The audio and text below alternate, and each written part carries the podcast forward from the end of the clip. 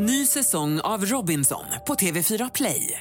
Hetta, storm, hunger. Det har hela tiden varit en kamp.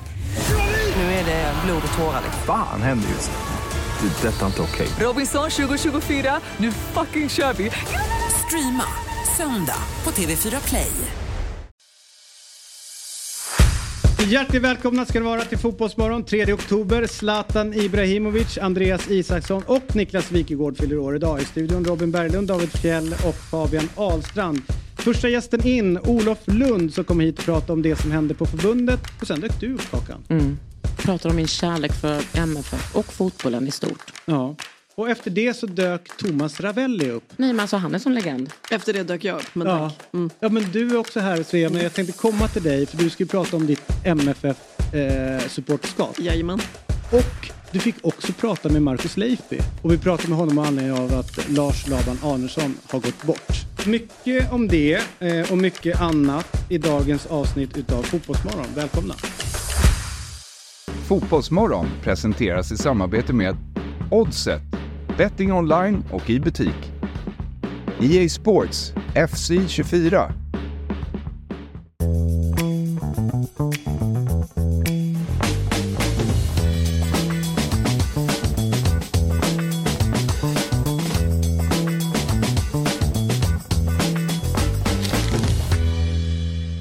God morgon, hjärtligt välkomna ska ni vara till Fotbollsmorgon. Vi skriver in den 3 oktober, vecka 40 och det är program eh, jävligt många som vi håller på med. Eh, David Fjell, Robin Berglund och Fabian. Mm. Hur är läget? Ja men bra. Mhm. Du själv? Eh, Det är bra tack. Ja. Vet ni vem som fyller år idag? 3 oktober. Andreas Kom igen nu. Zlatan. Yes, Snyggt! bra. 42. Mhm. Båda två. Just det. Och vet ni någon mer som Vi- fyller år idag? Det får väl vara dem då. Alltså någon som fyller 60 år. En nära vän till mig, en god vän, tv, tv-tyckare, gammal eh, Djurgårdstränare. Wikegård. Wikegård!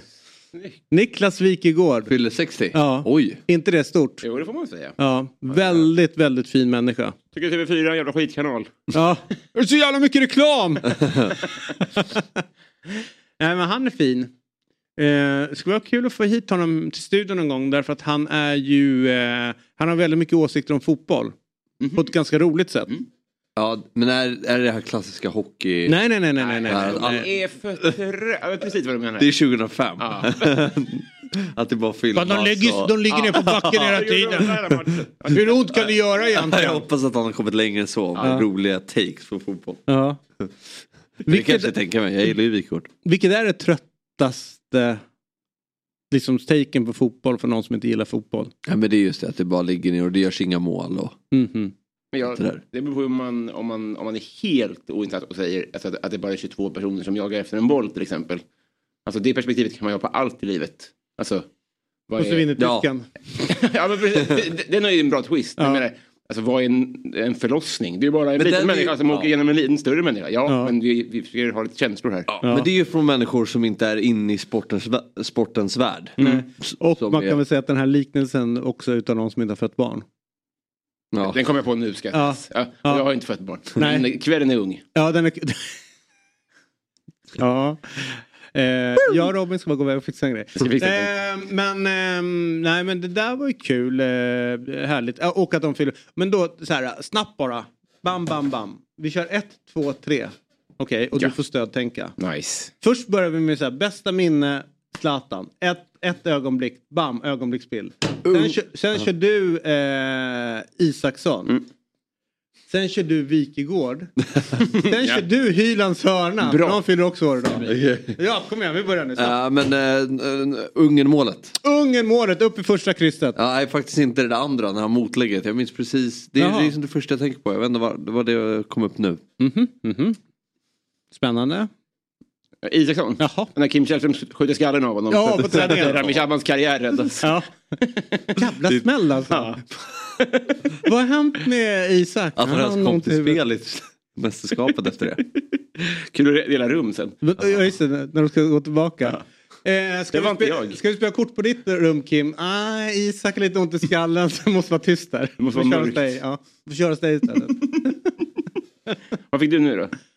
Wikegård. Nej, men jag minns en match när han tog ut eh, målvakten när det var andra perioden, typ fem minuter kvar. Det är ju det ju- Det är stort. och släppte in mål direkt. Ja, direkt. Avgå Wikegård! Avgå! Eller jag vet inte, om det är, men jag, tror, jag, har star- jag har ett minne av det här. Globen. Sånt händer ju aldrig. Vad kul det har varit. En Ja. fotbollsmatch, man leder med 1-0, tar man upp målvakten på hörna. Upp Kul där. direkt. Ja. Eller bara i första. Fan, vi, vi, har, vi har ett momentum Ja. nu. Vi måste, vi måste ha mål på vårt spelövertag. Vad psykad man har blivit. Ja. Vad fan är det? Han har ju fan på sig. Nordfeldt här? Kan han springa så här Ja. långt? Ska inte han vara där och kasta in bollarna i mål? Kommer bakifrån. Kräks. Har ni tänkt på att målvakten som går upp på fasta har en jävla förmåga också att bli involverad Ja. i...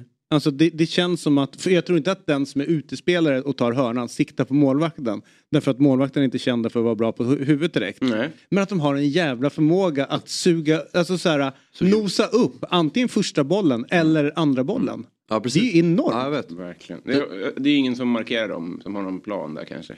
Ja, men det, men det, Men är- ändå. Ja, ja, ja, exakt, ja men det är väl klart. Men ändå att det, det, är, inte, det är inte högerbacken som går upp Nej. och alltid får bollen. Nej. Jag, jag upplever att det blir vanligare. Nej, ja, nej det vet jag inte men däremot så tycker jag väl att det, det är väl någonting som kanske är under, liksom, inte rapporterat men du vet man ska kolla statistik på. Att liksom, i relation till hur sällan målvakter går upp Mm. så blir det ganska farligt ändå, eller? Ja, precis. Och jag, eh, ibland tycker jag att eh, det är för sällan man tar upp måten. Mm. Och lite för sent ofta. Det är ofta sista hörnan men det är 90 om man ligger under med 1-0. Upp med målet. Vi pratade om det någon gång kanske här, eller så var det bakom kulisserna, men eh, riskanalysen, alltså att någon kontrar in den. Man har ju ganska få, på, alltså det finns Ja, och de sån- kommer ju trycka in fler spelare i... Exakt. Egen Eget straffområde. Ja. Plus att andra bollen stås ju täcks ut av laget Exakt. vars målvakt är Ja. uppe. Mm, Så att det, man har ju egentligen liksom ställt upp för att dessutom även vinna den andra bollen. Exakt. just det. Men du, Östersmåt gjorde ju målen, Ja, ja, ja. målen Ja. mot Västerås. Kan inte du göra det då? Men du är ju Din, tränare. din serie om något kan man väl... Ja, ja, Testa absolut. lite. Ja, ja. Nej, jag har varit lite inne på spåret att testa att spela utan målet. Okej. Ja, I matchen när man, är, man känner att nu kommer vi styra spelet. det tyder ju på att det kanske Men du vet att du kan ha flygande målvakt? då? Ja. Så du behöver inte ha en målvakt. Du behöver inte säga till dem så här, vi har ingen målvakt. Utan det är Nej, viktigt. han har ju målet Ja, det, ja, men exakt, ja, Ja. bra. För det är bra att ha någon Precis. som, Men som man, man ändå har pekat ut kan få bollen, få ta bollen med Ja. handen. Det Ja. vore dumt att... Nej men jag vet aldrig om du sitter här. Vi kör tio man idag. Ja, exakt. Varför då? Varför det? Äh, testa Ja, lite testa grann. en helt onödig. Bara så vet domaren, målmålet får inte ta bollen med händerna. Det här är sig jävligt roligt. Eh, vi kör 10 och sen så kommer vi antagligen byta, ut den, el- byta in den elfte i andra. Ja. Beroende på eh, om vi behöver lite mer energi på slutet. Det låter bara som att ni är bara tio pers. Att det kanske är en tunn trupp. Men du, eh, vi kommer ju hänga kvar lite grann och, och prata fotboll i dagens morgon. What? Eh, vi kommer få besök utav eh, Olof Lund. Mm. Fint. Verkligen. Janne tar ju sin Mats ur skolan. Mm. Bland annat. Det händer grejer på förbundet. Mm. Eh, Varför blir man ändå chockad när ett sånt besked kommer även fast det är så väntat? Man blir ändå lite... Ja, du tänker att det går, att, han, att han verkligen så att det, det, nu är det svart på vitt. Ja. Janne kommer kliva av Exakt. om vi missar EM. Ja, Eller när vi missar VM. när, när Eller vi EM. Mm. Eh, Karin Kakan Hermansson eh, kommer hit också. Utmärkt. Där måste jag säga att jag på rak arm inte kommer på någon tydlig fotbollskoppling. Ofta så, så tycker jag jag är ganska bra på det. Mhm. där Ja, det är jag. Lite till. Ja. Hon är ju hardcore MFF-supporter. Så är det. Just det. Just det. Klubblag. Så. Ja. Eh, och eh, Svea Sigmund kommer hit som igår var och kollade på eh, sitt eh, nya fotbollslag. Hon är ju ny supporter. Hon har, ju- det, jag tror att det är tredje matchen Mm. hon ser totalt sett. Två, fotboll. två på tv, tre en Nej. på plats. Två på plats. Men då är det fjärde. Då är det fjärde. Ja, Ja. Hon var ju på sportbar också. Två, två Nej. En hemma och en En borta. på plats. men i med Malmö ja. Och en ja och, Bayern. två, och två på Ja, tv. ja, men, ja, Sen har hon ju sett en innan. Ja, okej, så att det är ja, hennes ja, fjärde ja, match ja. totalt Ja, ja. i livet som hon kollar. Eh, och eh, vi ska berätta, eh, kolla med henne för hon var på sportbar igår och tittade på sitt Malmö som vann mot eh, Brommapojkarna. Sen ska vi ha med oss eh, Thomas Ravelli idag. Oj, det är stort. Vi ska prata om Lars Laban Arnesen. Mm. Eh, det, Arnesson. Det är ju förbundskaptenen under 80-talet eh, som gick bort igår. Mm. Eh, och han... Ja, det finns rätt mycket att prata om honom för det var en väldigt intressant brytningstid där när han var förbundskapten. För att han stod ju för en annan typ av fotboll Mm. som, var, som vi höll på med i Sverige. Du vet när vi idag pratar om att vi vill ha lite roligare fotboll så ska jag berätta för er att det fanns två stycken läger. Eh, Laban var då i, eh, om man säger öst, österlägret om man säger då. Eh, där inspirationen kanske var lite mer från Holland, den holländska fotbollen, Tyskland. Och att liksom det gamla arvet vi hade från 50-talet med Grenoli, alltså från den italienska fotbollen. Samtidigt, där på 70-talet så kom det ju engelsmän. Roy Hodgson och eh, Bob Houghton kommit till Sverige och började föra in eh, någonting annat som vi inte hade hållit på med. Zonmarkering eh, och 4-4-2. Eh, och vi kanske spelar så här eh, 3-5-2, alltså lite andra kombinationer. Eh, och sen så blev det ganska två läger och sen så vann ju Laban med sitt öster på, 80, på 70 på 70-talet och var liksom han var ju den som låg längst fram och fick landslaget. Och när han körde landslaget så tog ju Svennis några år, alltså i samma tid ungefär, över Blåvitt. Och Malmö hade ju eh, 1979 gått till Europacupfinal och kört då det här eh, nya då, lite mer brittiskt influerade. Och så Blåvitt hoppar på det också med Svennis och vinner eh, Uefa-cup, går till semifinal i, i Europacupen. Samtidigt som landslaget missar alla mästerskap under 80-talet. Och där blev det liksom att då vann ju 4-4-2 Ja. den brittiska och det är därför vi är så djupt rotade i det idag. Om det hade varit annorlunda på 80-talet kanske hade varit så att vi hade varit mer influerade och liksom tänkt fotboll mer som holländare eller lite mer tekniskt och så vidare. Så det är jävligt spännande det som var där. Men jag tycker det är kul. eh, Du, vi är ju inte på något sätt lika gamla och inte vi heller. Jag är ju mellan er liksom. Ja. Men jag gissar, om jag lägger orden i mun på dig, att din fotbollstideräkning i lands, svensk landslag också börjar med typ Olle Nordin. Nej, nej, nej. Är det inte? nej, nej det är Lars Tommy. Ja, men jag, jag, jag levde ju inte heller under, eller Men jag som du tittade inte på fotboll heller. lite grann, liksom så här, vad, när man blickar tillbaka. Nej, nej, alltså inte, Eller? inte Nej, tittade live heller utan... Alltså, Alltså, vad tänker när man läser tillbaka liksom? Ja men precis, 80-talet finns typ inte för mig. Jag vet inte Ja, jag vet det- knappt om det har skett nej. eftersom det inte var några mästerskap och det gick så dåligt. Nej exakt, du tänker så. Ja. Men det var så tydlig dramaturgi att det började med 90 och då var vi ett stort lag som skulle gå bra och sen började jag, ja, det kanske bara är... Nej, du, du, du har nog rätt där. Men sen, så, vissa grejer har man ju läst lite i efterhand men så man är ens medvetande Mm. Ja. när man växte upp så är det ju typ från ah, knappt Olle Nordin Nej. Alltså, Alltså det är inte som att jag har bilder av hur han li- nej, nej, men det förstår jag. Nej, jag förstår. Nej, nej. Men det är ju det är ju intressant apropå idag att Sverige går in i en tid nu där kanske nya identiteter ska skapas. ja. Vad vill den svenska fotbollen? Hur ska den, liksom, modellen se ut? Både hur vi spelar fotboll och ehm, Kan det vara nu, den, alltså nu i vinter som det bryts då? Nej. Jag tror inte det. Nej. Jag tror att man måste ha två tydliga al- alternativ mot varandra. Mm. Jag tycker inte jag ser det idag. Alltså att det är en... Eh, ja men någon som säger så här, men som det var där, så här har vi gjort. Och så kom det ju liksom några engelsmän och säger så här, nu ska vi göra så här istället. Men jag ser inte den tydliga liksom eh, förnyaren eller förändraren i svensk fotboll idag. Utan jag tycker att det är ganska mycket förvaltare eller folk som vill, alltså utav tränare eller vet som Ja, Jag... eh, De, de vill på något sätt spela en fotboll mera på något sätt för att profilera sig själva som fotbollstränare. Snarare än att de vill liksom förändra fotbollen.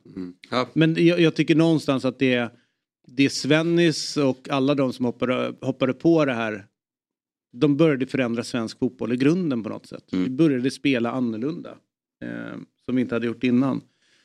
Och att det fick ju extremt genomslag. Alltså 4-4-2 är ju någonting som vi hävdar då att det här är verkligen vår identitet på något sätt. Jag tycker liksom inte att det finns liksom en annan, finns en alternativ och en annan historia också. Mm. Men identitet då är en helt annan grej än identitet idag. För då, då var det så mycket smalare. Alltså, då fick du ju, då blev du influerat av någonting som hände i ett annat land. Men idag finns det ju kanske 25 olika influenser och det, finns, det är så mycket mer lättillgängligt med analysverktyg och så vidare. Alltså, tittar du på allsvenskan idag till exempel så är det ju alltså, det är natt och dag jämfört med åtta år sedan. Jag Jo, tänker men- på hur men- lag spelar och hur ja, men- tränare Ja, men både och. Alltså, men jag, jag tycker att det kanske är... Eh, det var vi, eh, det som är lite roligt om man pratar, pratar 80-tal, om man pratar 70-talet eller vet sådär. Att Mm. Någonstans så var det inte... Alltså fotbollen och antalet mästerskap till exempel. Alltså det började på 30-talet. Man kunde liksom ha koll på de flesta. Alltså fotbollen var ganska ung. Så det känns som att den har... Alltså, vi har inte spelat så jävla många år. Mm. Och liksom utrymme för stora liksom, strukturella förändringar. Mm. Känns som att den tiden någonstans börjar liksom... Alltså, Man Ja. har testat allt. Ja. Men det jag tycker någonstans finns som är lite nytt nu. Det är ju eh, Fernando Diniz. Och hans sätt att spela fotboll. Fluminenses tränare. Ja, alltså han som också är tillfällig förbundskapten i Brasilien. Han är det? Det här året innan Carlo Ancelotti ska ta över. Men nu Okej, pratar coolt. de om att de är så nöjda och tycker det är så kul med honom så att de inte vill att Carlo Ancelotti ska ta över landslaget Oj, sen om ja. ett år. Har du sett honom eller? Men grejen är att han, Han han har ju liksom... Fluminense på Blu-ray. Ja, Men han har ju någonstans... Eh, Då har inget här att göra. nej men han har ju ändrat fotbollen på det sättet att eh, din position, Mm. Alltså din benämning på position på planen är helt oviktig. Mm. Det spelar ingen roll. Utan du ska ta dig dit där du kommer göra nytta just i nästa situation. Mm. Inte att du är liksom fast förankrad vid en högerbacksplats. Därför det kan vara så att du måste springa väldigt högt upp i banan och över på vänsterkanten. Mm. Därför att nu ska ni trycka som fan på den kanten. Mm. Och det är som i vissa delar av matchen är det som att sitta och kolla på knattefotboll. Att liksom så här, de följ, hela laget följer liksom bollen.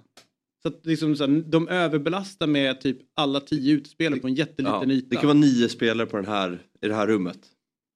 Det är den planytan använder de i sitt spel. Tänk Malmö är det Ja, närmaste exemplet. de försöka, men vågar inte jag gå vet. hela vägen De vågar inte gå hela vägen. De överbelastar en yta liksom. Men om vi tar friidrotten då. Där var det ju väldigt tydligt. Postbro flopp, Ja, flopp eller eh, rotationstekniken i kastgrenarna som bara dök upp och sen så gjorde alla det. Ja. Kan det inte vara så att nu är fotbollen så pass oung att det inte finns utrymme för att göra så här radikala förändringar? Nej, men jag tänkte att, det, att vi är fast där vi är liksom. Men det kanske är bra också att vi inte, vi ska inte vända upp och ner på allting och ändra allt i grunden. Det kanske tyder på en sund utveckling att vi har kommit, det är ungefär så här man ska, alltså jag säger inte att det måste vara så, men man kan ju ha det perspektivet också att vi ska inte byta höjdhoppsstil.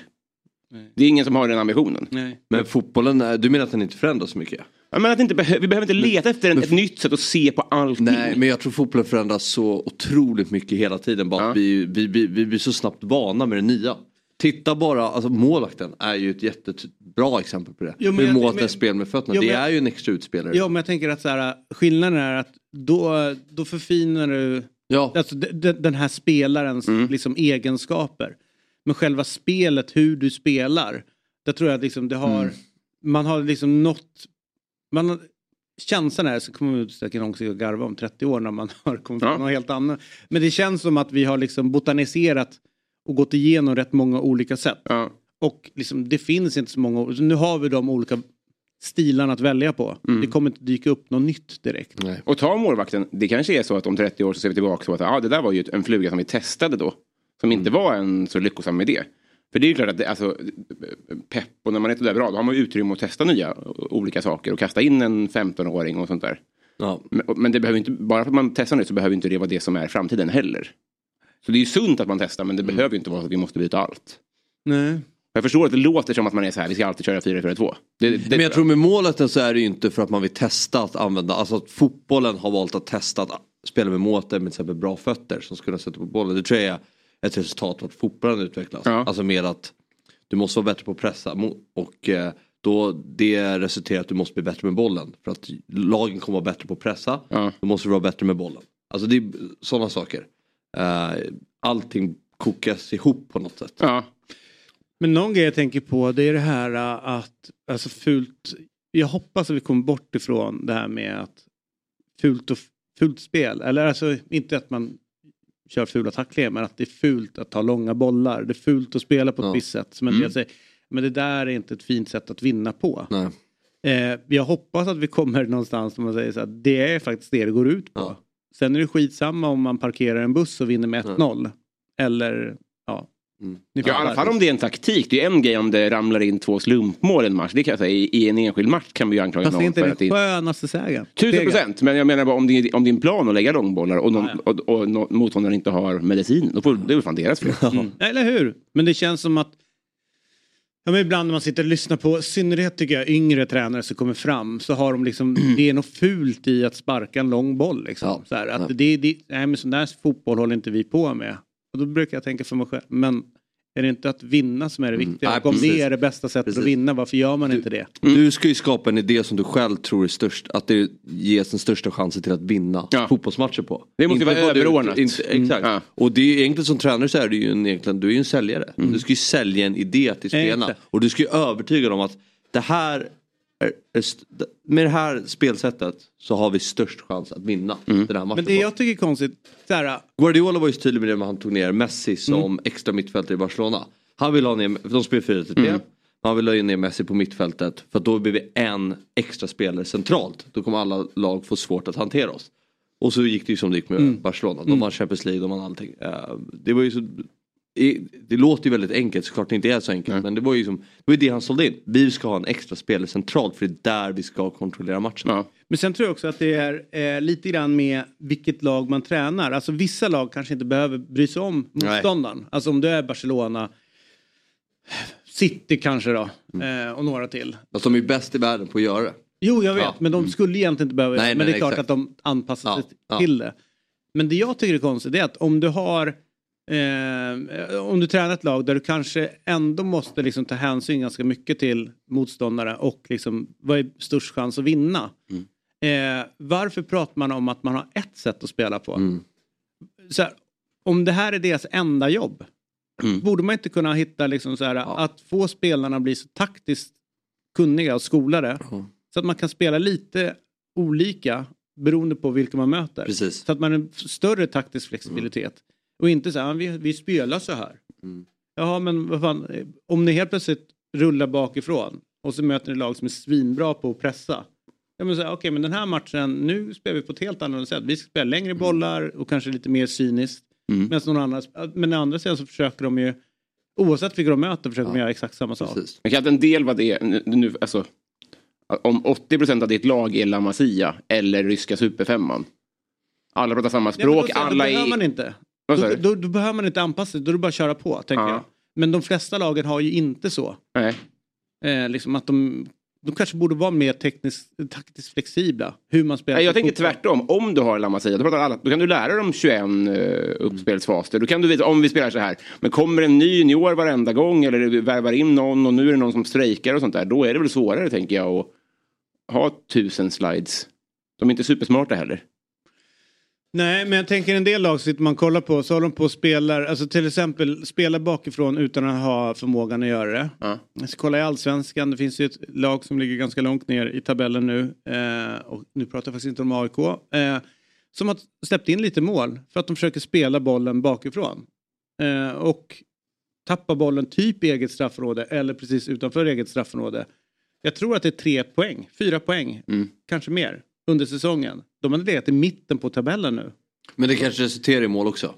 Jag har inte sett många mål som har resulterat som har blivit Tänk, så. vilket lag tänker du på? Det, det, Ja, Sirius. Ja, Sirius. Fast i år är det my- mycket färre. Ja, fast ändå. De kollar var de ligger. Det är det jag menar. Så här. Jo, Först men- måste man kanske bygga upp en, en liksom så här. Jag tycker inte att alla, spe, alla lag har den kvaliteten Nej. för att göra det. Och, och då är jag tillbaka till, är det störst chans att vinna på det sättet? Eller kanske man ska börja med den här kortpassen spela lite högre upp i banan? Ja. Och, liksom så här, det är ju bara tycke och smak. Jag hade inte gjort det om jag var tränare för, för det laget. Men Nej. väljer de den vägen, det är upp till dem. Men jag vet inte. ser ja. inte Nej, ja, vi ska inte gå in på enskilda men jag förstår, jag förstår din poäng eh, i, i Jag sammanhanget. såg här. Ungern mötte något lag i någon eh, landskamp. Började också spela bakifrån mot ett betydligt bättre lag. Det bara small till två gånger. Ja. Sen var ju matchen över. Och det är så här, jaha. Ja, Men jag håller med dig i grunden att nu har det blivit så här när man, när man liksom ska eh, träna till exempel eh, ju- juniorer och ungdomar att det är någonstans fult att sätta en längre boll. Mm. Men egentligen borde man säga var finns ytan? Ja. Det är det som är relevanta. Det, är inte, det, är inte, det handlar inte om att slå kortpassspel och passa tills man tappar bollen. utan Det är ju att förs- lära spelarna att förstå var finns ytan. Det är det det handlar om fotboll. Ja, och flytta på och skapa ytor. Ja. Alltså vet så här, hur kan man flytta på Exakt. dem och så. Liksom. Ja. Ja. Ja, så kan det vara. Du, eh, vi, eh, vi har ju eh, våra kompisar borta på Svenska Spel. Vänner. Och eh, nu är det så att hela redaktionen kliver in och ska sätta veckans trippel. Som är ett spel från Svenska Spel Sport Casino AB. Åldersgränsen är 18 bast och stödlinjen.se finns om man upplever problem.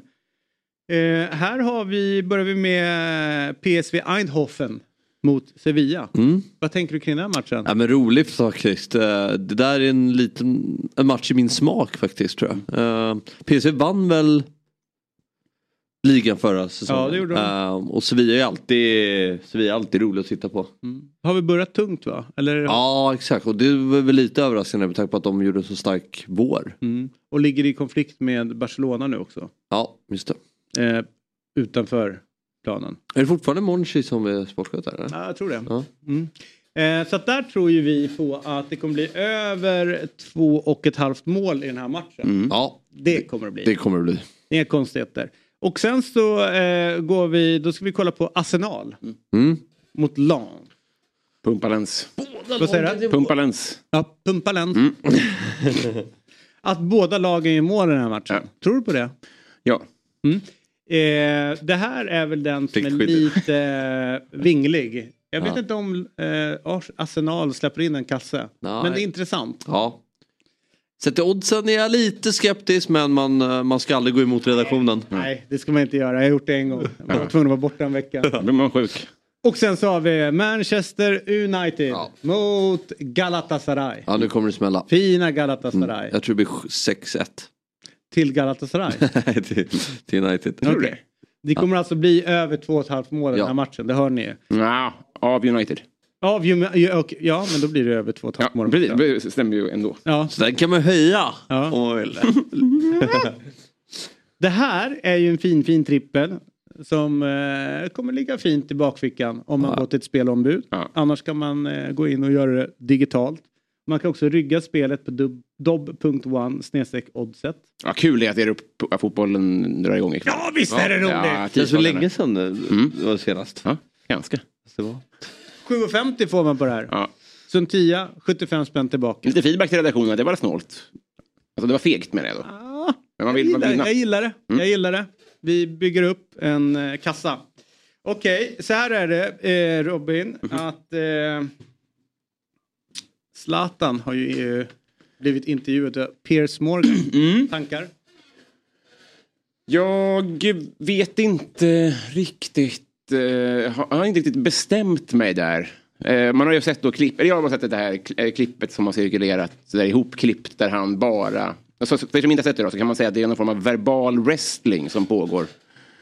Att det bara är floskler och eh, ga gamla sägningar från Zlatans böcker som han svarar på frågor som han själv har bett Piers Morgan och ställa. Så är det bara. Eh, och eh, om man, jag tänker om man är tio och älskar Zlatan och har honom på väggen då är det nog det fräckaste man har sett. Eh, alltså, då tänker jag att om jag skulle gå och se en barnfilm idag och så säger jag att den är dålig, då är det inte för mig. Så känner jag inför den här grejen, att jag är inte i målgrupp för den här skiten. Det är, det är bland det fånaste jag har sett, men det är inte för mig. Så att det är eh, genant, tycker jag. Ja, det, det var det. Och det är liksom eh, alltihopa kring att hans agg mot Pep släpp det liksom. Ja. Alltså det, det, det är inte kul längre. Det är också så här, vem vinnaren skriver Ja. historien lite grann. Du, du... alltså, Ja, det blev ju ganska bra för Pep. det är ganska bra för Pep, ja. ja. Ja, ja men det, det, det, det, jag jag skriver under på det också. Mm. Det, det, Pep har gjort det helt okej. eh, nej, Kan men sen Zlatan så bli liksom, framtida Bond? eh, Nej, men där... Nej. nej, det var jättekonstigt sagt. Nej, men det är ju en, en, en fråga i klippet då. Vill- Du borde spela Bond-skurk. Skojar du? Var det en fråga? Det är skurk alltså. Jag tror han skulle vara James Bond. Jag tror att det är Bond-skurk. Men jag, nu kanske jag minns fel. Då. Va- Jag tror det var du som ställde dum fråga, Mm. men alltså, det, du, jag tycker inte du är dum så. Men Piers, Mor- men, Piers, nej, men Piers Morgan är ju inte... Alltså, jag, jag förstår inte varför man vill gå ner och sätta sig i studio och bli intervjuad av Piers Morgan. Nej. Varför gör han det? Det tycker jag är den största skandalen. Alltså Piers Morgan, allt det han har hållit på med, med runt Meghan och, Mm. och liksom kungahuset med den här hopplösa intervjun med Ronaldo när han bara satt och dreglade Mm, och inga motfrågor. Det var ju liksom ingen journalistik. Nej, det är det som, han, han har profilerat sig som den journalisten som du kan komma till mig och så kommer jag ställa de frågor du vill och sen skratta Ja men, kolla hans, icke-skämt. ja men kolla vad han har för bak. Det är det som visst. stör mig. Ja. Liksom, så här, de sjukt många svenska journalister, i synnerhet på kvällstidningar, har liksom sett upp till honom till, som den bästa. Mm. Och sen så har han liksom, sen efter det så har allting bara raserat. Liksom. Mm. Hur han har fuskat, hur han har avlyssnat folk. Hur, Och ljugit om att han har avlyssnat ljugit, också. allt, Mm. allt, allt, allt han har hållit på med. Och ändå kommer han undan med det och får Mm. nya chanser och folk sitter och dreglar. Och dessutom så ger de största stjärnorna i världen honom en jävla plattform. Mm. Det är så bara bort med honom. Ja, bra. Jävla trött på honom. Om du fick ställa en fråga till Zlatan, vad skulle du ställa? Om du var Piers Morgan. Tjena!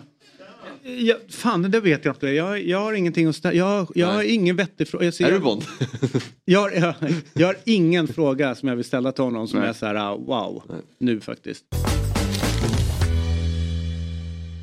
Hej! Jesper Hoffman från Dobb här. Jag vill tipsa om att FBL Sverige nu finns som podcast helt fritt där poddar finns. Vi spelar in ett nytt avsnitt varje vecka inför den kommande gameweeken med våra bästa råd hur du ska lyckas som manager. Så när du har lyssnat klart på Fotbollsmorgon och vill höra mer om Fantasy Premier League så finns FBL Sverige helt fritt där poddar finns. Nytt avsnitt varje tisdag. Vi är denna vecka sponsrade av Hantverksdata. Ett målbaserat affärssystem som hjälper över 100 000 hantverkare varje dag. De hjälper hantverkare att digitalisera sin vardag. Precis, vilken grej! Och vi kliver in i en period nu när det är matcher i de största ligorna och Europacuperna mest hela tiden. Såväl vardagar som helg. Så med hjälp av hantverksdata sparar man tid och pengar för att hinna se alla matcher. Och Fabbe, om man bortser från de här korpmatcherna du kollar på och fokuserar på de större ligorna. Hur många matcher ser du varje vecka? Ja, men jag skulle nog säga att det är minst tio, ibland fler. Så då gäller det ju att vara väldigt effektiv. Jajamän, och Hantverksdata har hjälpt hantverkare att spara tid och pengar i över 50 år. Allt är samlat i samma system där du hittar lösningar för bland annat order, projekt, service, lön och lager. Du behöver bara ett system för att effektivisera din vardag. Nämligen det från Hantverksdata. Av hantverkare, för hantverkare. Vi säger tack till Hantverksdata som är med och sponsrar Fotbollsmorgon. Ni har paus? Ja, nej, nej. Nej, vi kör. Det är så här är ibland. Ja, det vi kör. Helvete, vad Ja. fan. Väldigt fritt, eller hur? Ja, ja, det är ju Ja. otroligt. Man blir ju förvånad att det är igång alltid. Men ni kanske inte har några pauser. Nej, jag brukar ju mest gå in och kolla klipp och lyssningar och så när någon har sagt något skandalöst. Ja, exakt. Det händer inte så ofta. Nej, det gör det inte. Olof Lund, fan vad härligt att ha dig här. Ja, kul. Jag måste ju, man måste ju dokumentera allt man gör. Att, eh, Ja, var det cykeln som du eh, hoppade på idag, eller? Nej, jag var med i SVTs eh, morgonstudion och pratade Karl-Erik Nilsson. Så då fick jag eh, en taxi hit. All right. Så det var härligt. Hur känns det för en, eh, en som ändå har förhållit sig lite kritiskt till public service emellanåt att kliva in i eh, på, Ja. bortom på Gärdet?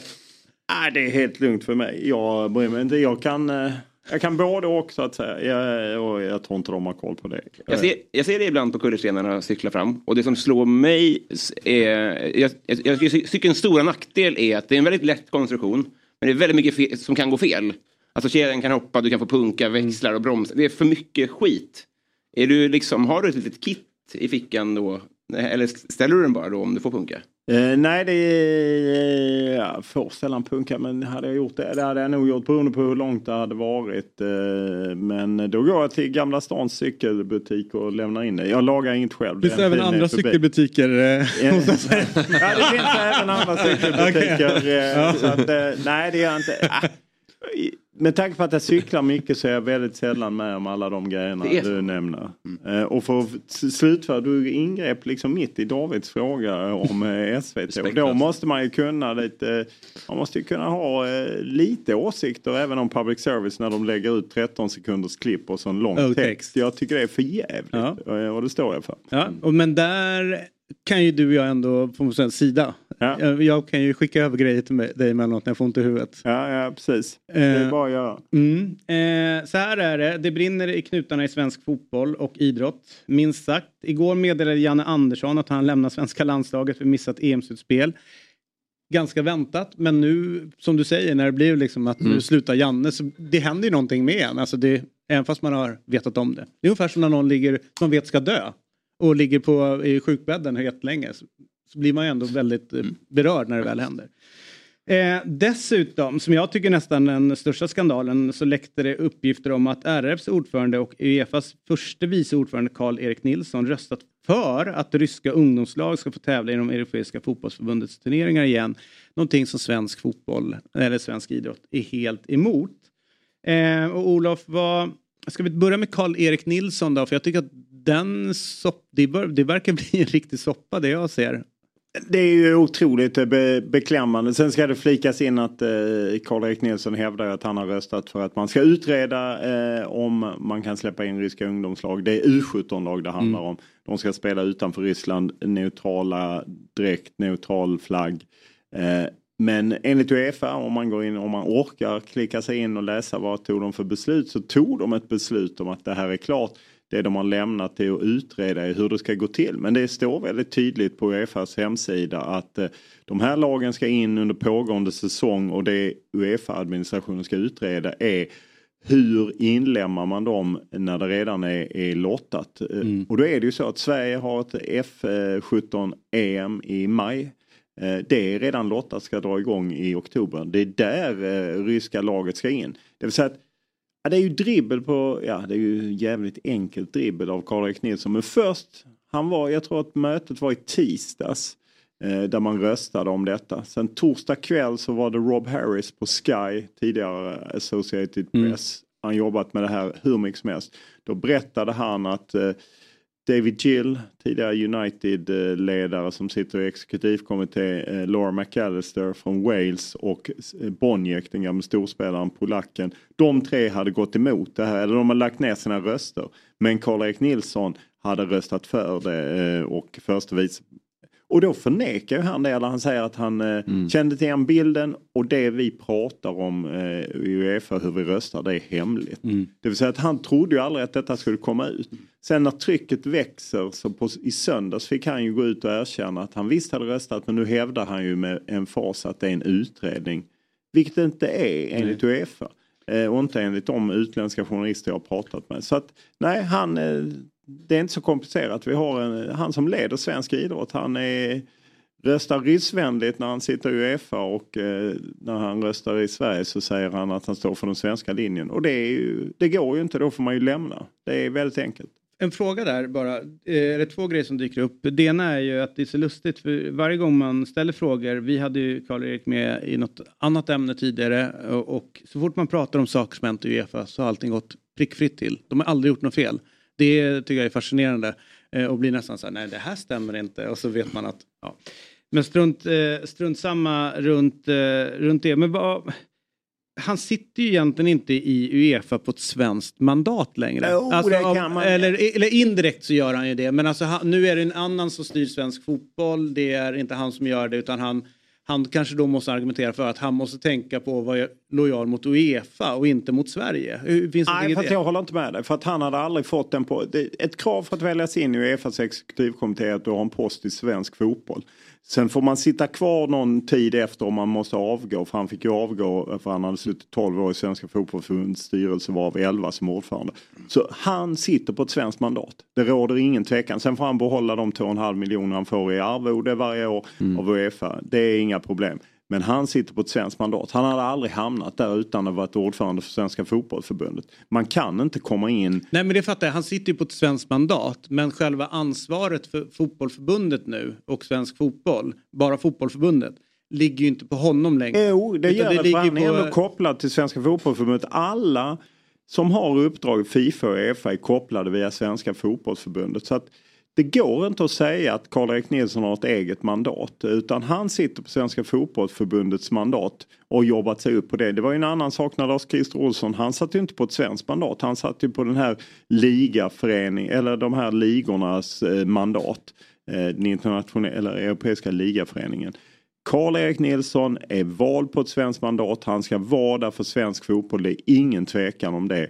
Eh, när han dessutom är RFs ordförande så följer med ett extra krav för Mm. där Det ingår. jag, ja, det så att, jag eh, på. jag håller inte med dig. Han är på ett svenskt mandat och han kan inte föra två linjer som han har gjort nu. Och enda skälet han gjorde det var för att han har kommit, kanske kommit undan med det innan. Han trodde han skulle komma undan med det. Det är ju lustigt, det är exakt samma debatt nu i Danmark för Jesper Möller som är Karl-Erik Nilssons polare i Uefas exekutivkommitté. Han vill inte heller berätta vad han har röstat därför att eh, de som kan det här, Martin Ziegler och Rob Harris, säger att även Jesper Möller, han var dock inte lika drivande som Karl-Erik Nilsson eh, på mötet eh, enligt Martin Ziegler på The Times. Eh, Men nu är det tryck på Jesper Möller, du måste berätta. Eh, För att det är Karl-Erik Nilsson har berättat, Rummenigge har berättat, Watzke som sitter i Dortmund har berättat. Det är inte hemligt. Eh, Boniek har också talat om att han röstade, Klart att Boniek la, ner, la ner rösten. Så att, Men varför? om jag får gissa kring Karl-Erik Nilsson så handlar det om att han är lojal mot sin president. De, det här är ju lite så för finsmakarna. Eh, Det är nästan som man gillar eh, Mm. att lyssna på eh, Roberto Vacchi och prata om Tour de France. Alltså Karl-Erik Nilsson är oerhört skicklig maktspelare. Han efterträdde Lars-Åke Lagrell 2012, fick bland annat uppdraget inom svensk fotboll. Vi måste ta oss in i Uefas exekutivkommitté. De som minns EM 2020 när inte Friends fick matcher utan danskarna fick matcher. Då var det en annan dansk, Allan Hansen, för att de höll sig väl med Platini. Inte den Allan Hansen. Nej, det är en annan Allan Hansen, en gammal polis. Eh, Men eh, då fick Karl-Erik det uppdraget. Han jobbade målmedvetet det. Bland annat var han först ute och lyfte Cheferin och sa att honom ska vi ha när Platini hade blivit utkastad. En helt okänd sloven sex veckor innan det ens var klart vilka som ställde upp i valet. Det vill säga Karl-Erik Nilsson som kunde styra Emmaboda med sina, i sömnen där han var 12 år, kommunalråd i 12 år. Han kan det här spelet. Så att han allierar sig med Cheferin. Cheferin blev vald. Ett år senare blev eh, Karl-Erik Nilsson invald i exekutivkommittén. Han fick mest röster av alla. Han blev dessutom förste vicepresident två efter Cheferin. När de skulle nu, eh, Cheferin skulle väljas om. Ja vilka är det då som kliver upp på bordet eller på scenen och föreslår honom? Jo det är Jesper Möller och Karl-Erik Nilsson. Alltså det är så det går till i den här världen. Sen fattar jag att det Är inte finns... han gudfar också till eh, Agnelli. Agnellis? Nej, men de, ja. är- Cheferin och Agnelli är inte vänner sen Super League. Men de var ju vänner innan det. Eh, Men, Men, men eh, Agnelli. Ja, André Agnelli är Juventus. Juventus, ja just det. just Just det. ja, det var ett stickspår. Men det, så att Karl-Erik Nilsson är, jag tror att han är lojal mot eh, den han har jobbat med. Eh, Och eh, då, så går det till i den världen. Kan han sitta, låt säga nu att han, eh, för det, det är klart att jag tror att Fredrik Reinfeldt har ju tagit eh, Svenska Fotbollförbundet för att han vill, ju- han vill ju också klättra och det finns en lukrativ värld i Uefa och sen vidare in i Fifa. Men eh, om Sheffrin säger så här, jag vill ha kvar eh, Karl-Erik här i... Det kan han inte. Han kan inte göra det och han kan inte hitta en annan position åt honom för att... Ah, det, det skulle, nej, det tror jag inte. Alltså det, Uefas eh, direktiv är rätt eh, tydliga där. Utan eh, han sitter kvar till 2025 för att han blir invald. Han blev vald 2021 när han fortfarande var ordförande för Svenska Fotbollförbundet. Så har du inte en post inom det nationella fotbollsförbundet kan du inte ha en post inom Uefa. Eh, och sen är ju Om man inte är ordförande då som eh, Lennart hade eller Lennart Johansson för han satt ju jättelänge. Ja precis, men han var ju ordförande och det var i en annan tid. Jag vet inte om de har ändrat sina regler. Jag tror att Lennart Johansson var ju så härlig att eh, ett tag tyckte han ju att man skulle sluta när man var 70. Sen när han själv passerat 70 så tyckte han inte det längre. Det Nej. brukar vara så. Jag gillade Lennart men... eh, 90 är bra nu. vet du. så, så att man skiftar så. så att, nej. Men det fascinerande med Karl-Erik Nilsson är ju att han liksom ledde fotbollsförbundet fram till i mars. Och sen i maj om, blev han vald som RF-ordförande trots att bara ett par år tidigare hotade han som fotbollsförbunds ordförande att lämna RF för att de, ni vet de här takreglerna Mm. på bidrag som drabbade fotbollen rätt hårt. Eh, Så att ändå lyckas han. Så han är oerhört skicklig maktspelare så vi får se. Det var Roligast vi frågade honom det när han var, Ja. han var med här och då ställde jag några frågor om det och då sa jag så här, hur ser du på kritiken som du själv hade mot det, det kunde han inte svara på för det var fotbollförbundet som hade den här kritiken. Jag bara, fast det var ju du som framförde den. Är det någonting du tar med dig in nu? Nej, det kan jag inte svara på. Ja, då satt jag och representerade fotbollen, nu sitter jag med en annan hatt. Och det var ungefär som att, det, alltså snacka om schizofren. Det där har inte jag med att göra. För nu sitter jag här och är ordförande i RF.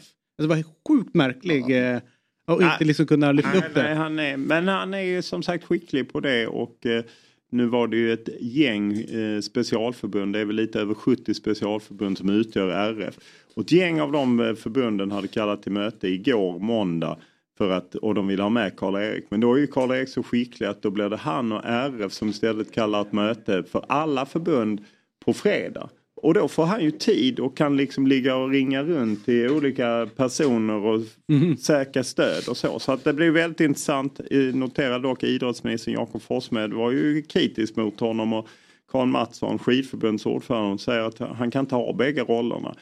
För min del är det, man kan inte ha en man som leder svensk idrott som man inte kan lita på som i första, det läcker ut vad han har röstat, säger att jag känner inte igen mig i den bilden och det är hemligt och sen två dagar senare erkänner att det var visst så.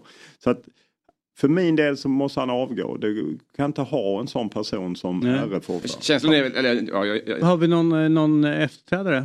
Nej, det, det har jag inte här nu. Det viktiga är väl att man i så fall tar det beslutet att skilja honom från eh, den eh, ordföranderollen och så får man ta det vidare därifrån. Eh, för mig är det ju självklart att han har gjort bort sig så mycket att det inte kan... Det till OS? Det kommer väl aldrig hända, in där? För det var snack där att eh, ryska idrottare Ja, ska in i OS. Paralympics har börjat visat vägen tyvärr med att släppa in Mm. eh, ryska och belarusiska idrottare under neutral flagg och ingen nationalsång och så. Och eh, det är samling tror jag i Mumbai i Indien den 15-16 oktober för internationella olympiska kommittén och troligen tar de beslut då om att släppa in idrottare i eh, eh, Paris OS. Och det är ju naturligtvis jättetråkigt men för mig, för det är en del som hör av sig menar att liksom vad fan håller du på och tjatar om tjejer eh, och killar i 17-årsåldern från Ryssland, ska inte de få idrotta? Och så drar de exempel allt från USA till Saudiarabien till Israel, Palestina.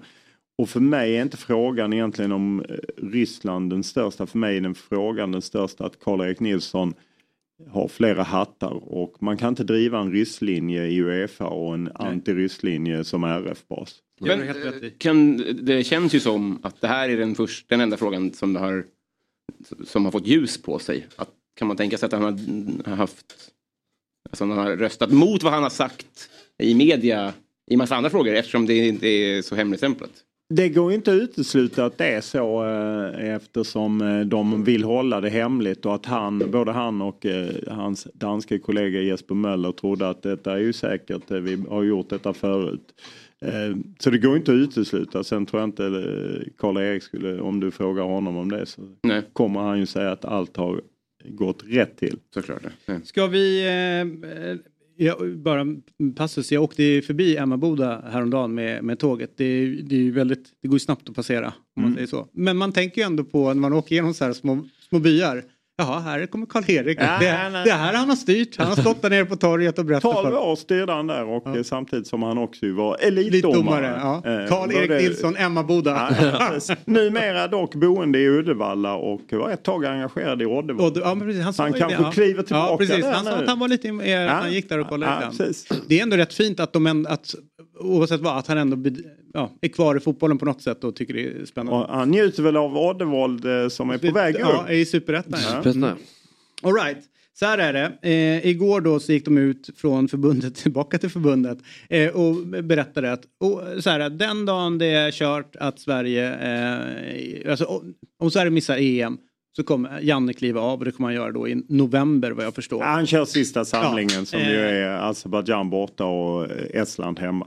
That's it. Eh, om det inte då skulle vara ja, men den här eh, lilla, lilla, lilla, lilla chansen att vi fixar EM, då kör han ju såklart där.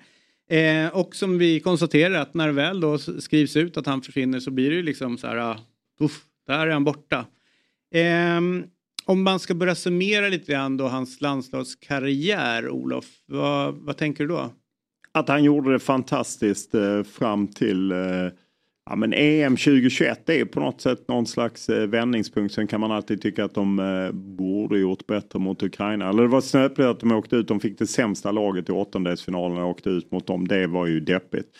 Fram till dess gjorde han det ju bra. Sen försvann ju en stomme spelare och efter det så hade han ju väldigt svårt. Och det berodde ju också på skador och annat och han blev mer och mer eh, lik tidigare förbundskaptener kontra oss i media och eh, så. Så att eh, det har varit lite deppiga år och misslyckade år och det ser ut som det blir två raka missade mästerskap första gången sedan Tommy Svenssons dagar Mm. plus Nations League. Så att det är klart att det, det sänker ju lite hans tid men det han gjorde 2016 till 2018 där han tog den bästa placeringen för ett svenskt herrlandslag sedan bronset 94.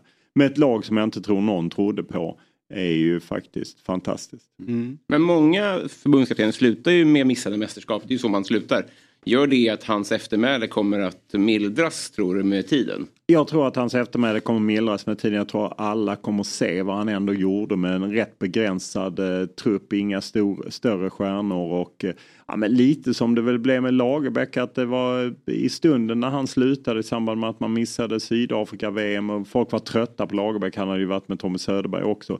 Så ändrades ju det med tiden framförallt när han fick framgångar med Island. Men det, folk fick också perspektiv på vad de faktiskt hade gjort. Det står fler stjärnor. eh, slutade inte med ett missat mästerskap. Nej, var. Nej, han slutade efter EM 2004. Han var trött och behövde operera höften. Och, ja, han var trött på det. Jag tror egentligen det Tre cykler är egentligen det som är lagom. Eh, Ja, han för- körde i 00, 02, 04. Ja, precis. Ja. För att det, det blir lätt att man fastnar med de gamla spelarna och att man Mm. kommer inte vidare. Och, ja, att man blir trött på eh, journalister och trött på det som följer med eh, och att man blir... eh, Sen går det olika snabbt. Janne var ju bäst på att kommunicera egentligen fram till det började Mm. krackelera under EM 2021 och sen har det ju bara blivit värre. Visst Liksom. är det brytpunkten nästan lite grann eh, efter Spanien-matchen tycker jag. där han liksom fram tills den så var det ganska bra. Och så kommer det här 0-0 resultatet. Och jag tror att det är Expressen som skriver, eh, eller att eh, Afton. Aftonbladet, att de skäms över Sveriges insats. Och där, EM-premiären då? Ja, EM Ja. 0-0 och Just Sverige knappt någon boll ju. och där går någonting sönder. För att när han kommer till Plus att Marcus Berg blev utsatt för liksom... eh, lite hot, eller lite Ja, hat. ja, eller, han blev ja, Mm. utsatt för enormt mycket hat när han missade den chansen. Och det, då, jag håller med, då brast det för Janne. Sen har jag hört spelare som säger att det redan brast lite in i gruppen hösten 2020 om ni minns eh, Nations League-premiären Dejan Kulusevski Mm. på bänken. Zlatan ute och kritiserade, blev ett liv. Janne Andersson bröt av mot sin vanliga eh, rutin att han kallade till en presskonferens dagen efter matchen. Han brukar aldrig göra det. Men satt och svarade på frågor om det. Eh, en del spelare som var med då säger att det hände redan då. Men utåt sett håller jag med att det märktes i, i juni 2021. Du, eh, eh, innan, jag kommer ihåg när eh, Erik Hamrén eh, runt eh, 2016 där skulle kliva av. Eh, När blev Janne klar? När April eh, 2016. Så det var alltså in, innan EM? Januari, januari 2016 blev det klart att eh, Hamrén skulle kliva av efter EM. Kommunicerades det. Och april eh, 2016 eh, drog jag Martin Pettersson på fotbollskanalen loss att Janne Andersson var klar. hade förhandlat klart på en parkeringsplats eh, med Håkan Sjöstrand. Och då eh, kommer jag ihåg att eh, det fanns rätt mycket alternativ alltså på bordet där när Jan, alltså så här, Fanns det? Ja, men, Ja. eh, så här, Janne fanns ju ganska tydligt. Som, alltså man Jörgen hade, Lennartsson var ju den som det snackades mycket om att han ska ha fått frågan eh, först och tackat nej. Ja, det var kanske tur att det inte... Mot löfte av att han fick, skulle få förlängt kontrakt av Mats Green, vilket han aldrig fick. För att, eh, han blev ju bränd. Pratades om Magnus Haglund, ja, det pratades om lite men... eh, Men nu har vi inte sådana, tänker jag, liksom, när man pratar nu så är det så här att någon kanske drar upp Fredrik Ljungberg, någon säger Mell, alltså vet så här, men det är ju inte lika liksom... Tydligt. Det var ju väldigt tydligt att det skulle... Att det, skulle, att det fanns några, liksom, och att det fanns en tydlighet i att vi ville inte ha den här eh, moderna fotbollen. Vi ville gå tillbaks till det svenska. Och då helt plötsligt när man sa det, vi vill tillbaka till Lagerbäckshållet, så fanns, då började vi utkristallisera, jaha, här står det några.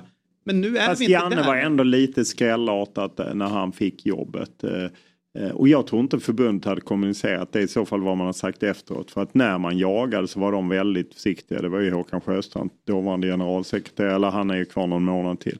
Och det är väl det som gör att det är ännu svårare idag att läsa var kommer de gå. Därför att det blir ju en ny generalsekreterare första november, Andrea Möllerberg. Och det sa ju förbundets ordförande eh, Fredrik Reinfeldt i utskicket igår att det blir hennes första uppdrag att hitta en ny förbundskapten och ihop med förbundsstyrelsen. Sen har jag hört det inifrån att, eh, att Håkan Sjöstrand som haft ett par lyckosamma rekryteringar, både Janne Andersson och Peter Gerhardsson, att han kommer vara involverad i det här och att man nu håller på att upparbeta någon slags kravprofil. Vad är det vi vill ha? Hur ska det se ut? Och... Och vad tror du då? Vilka, vilka är på shortlist?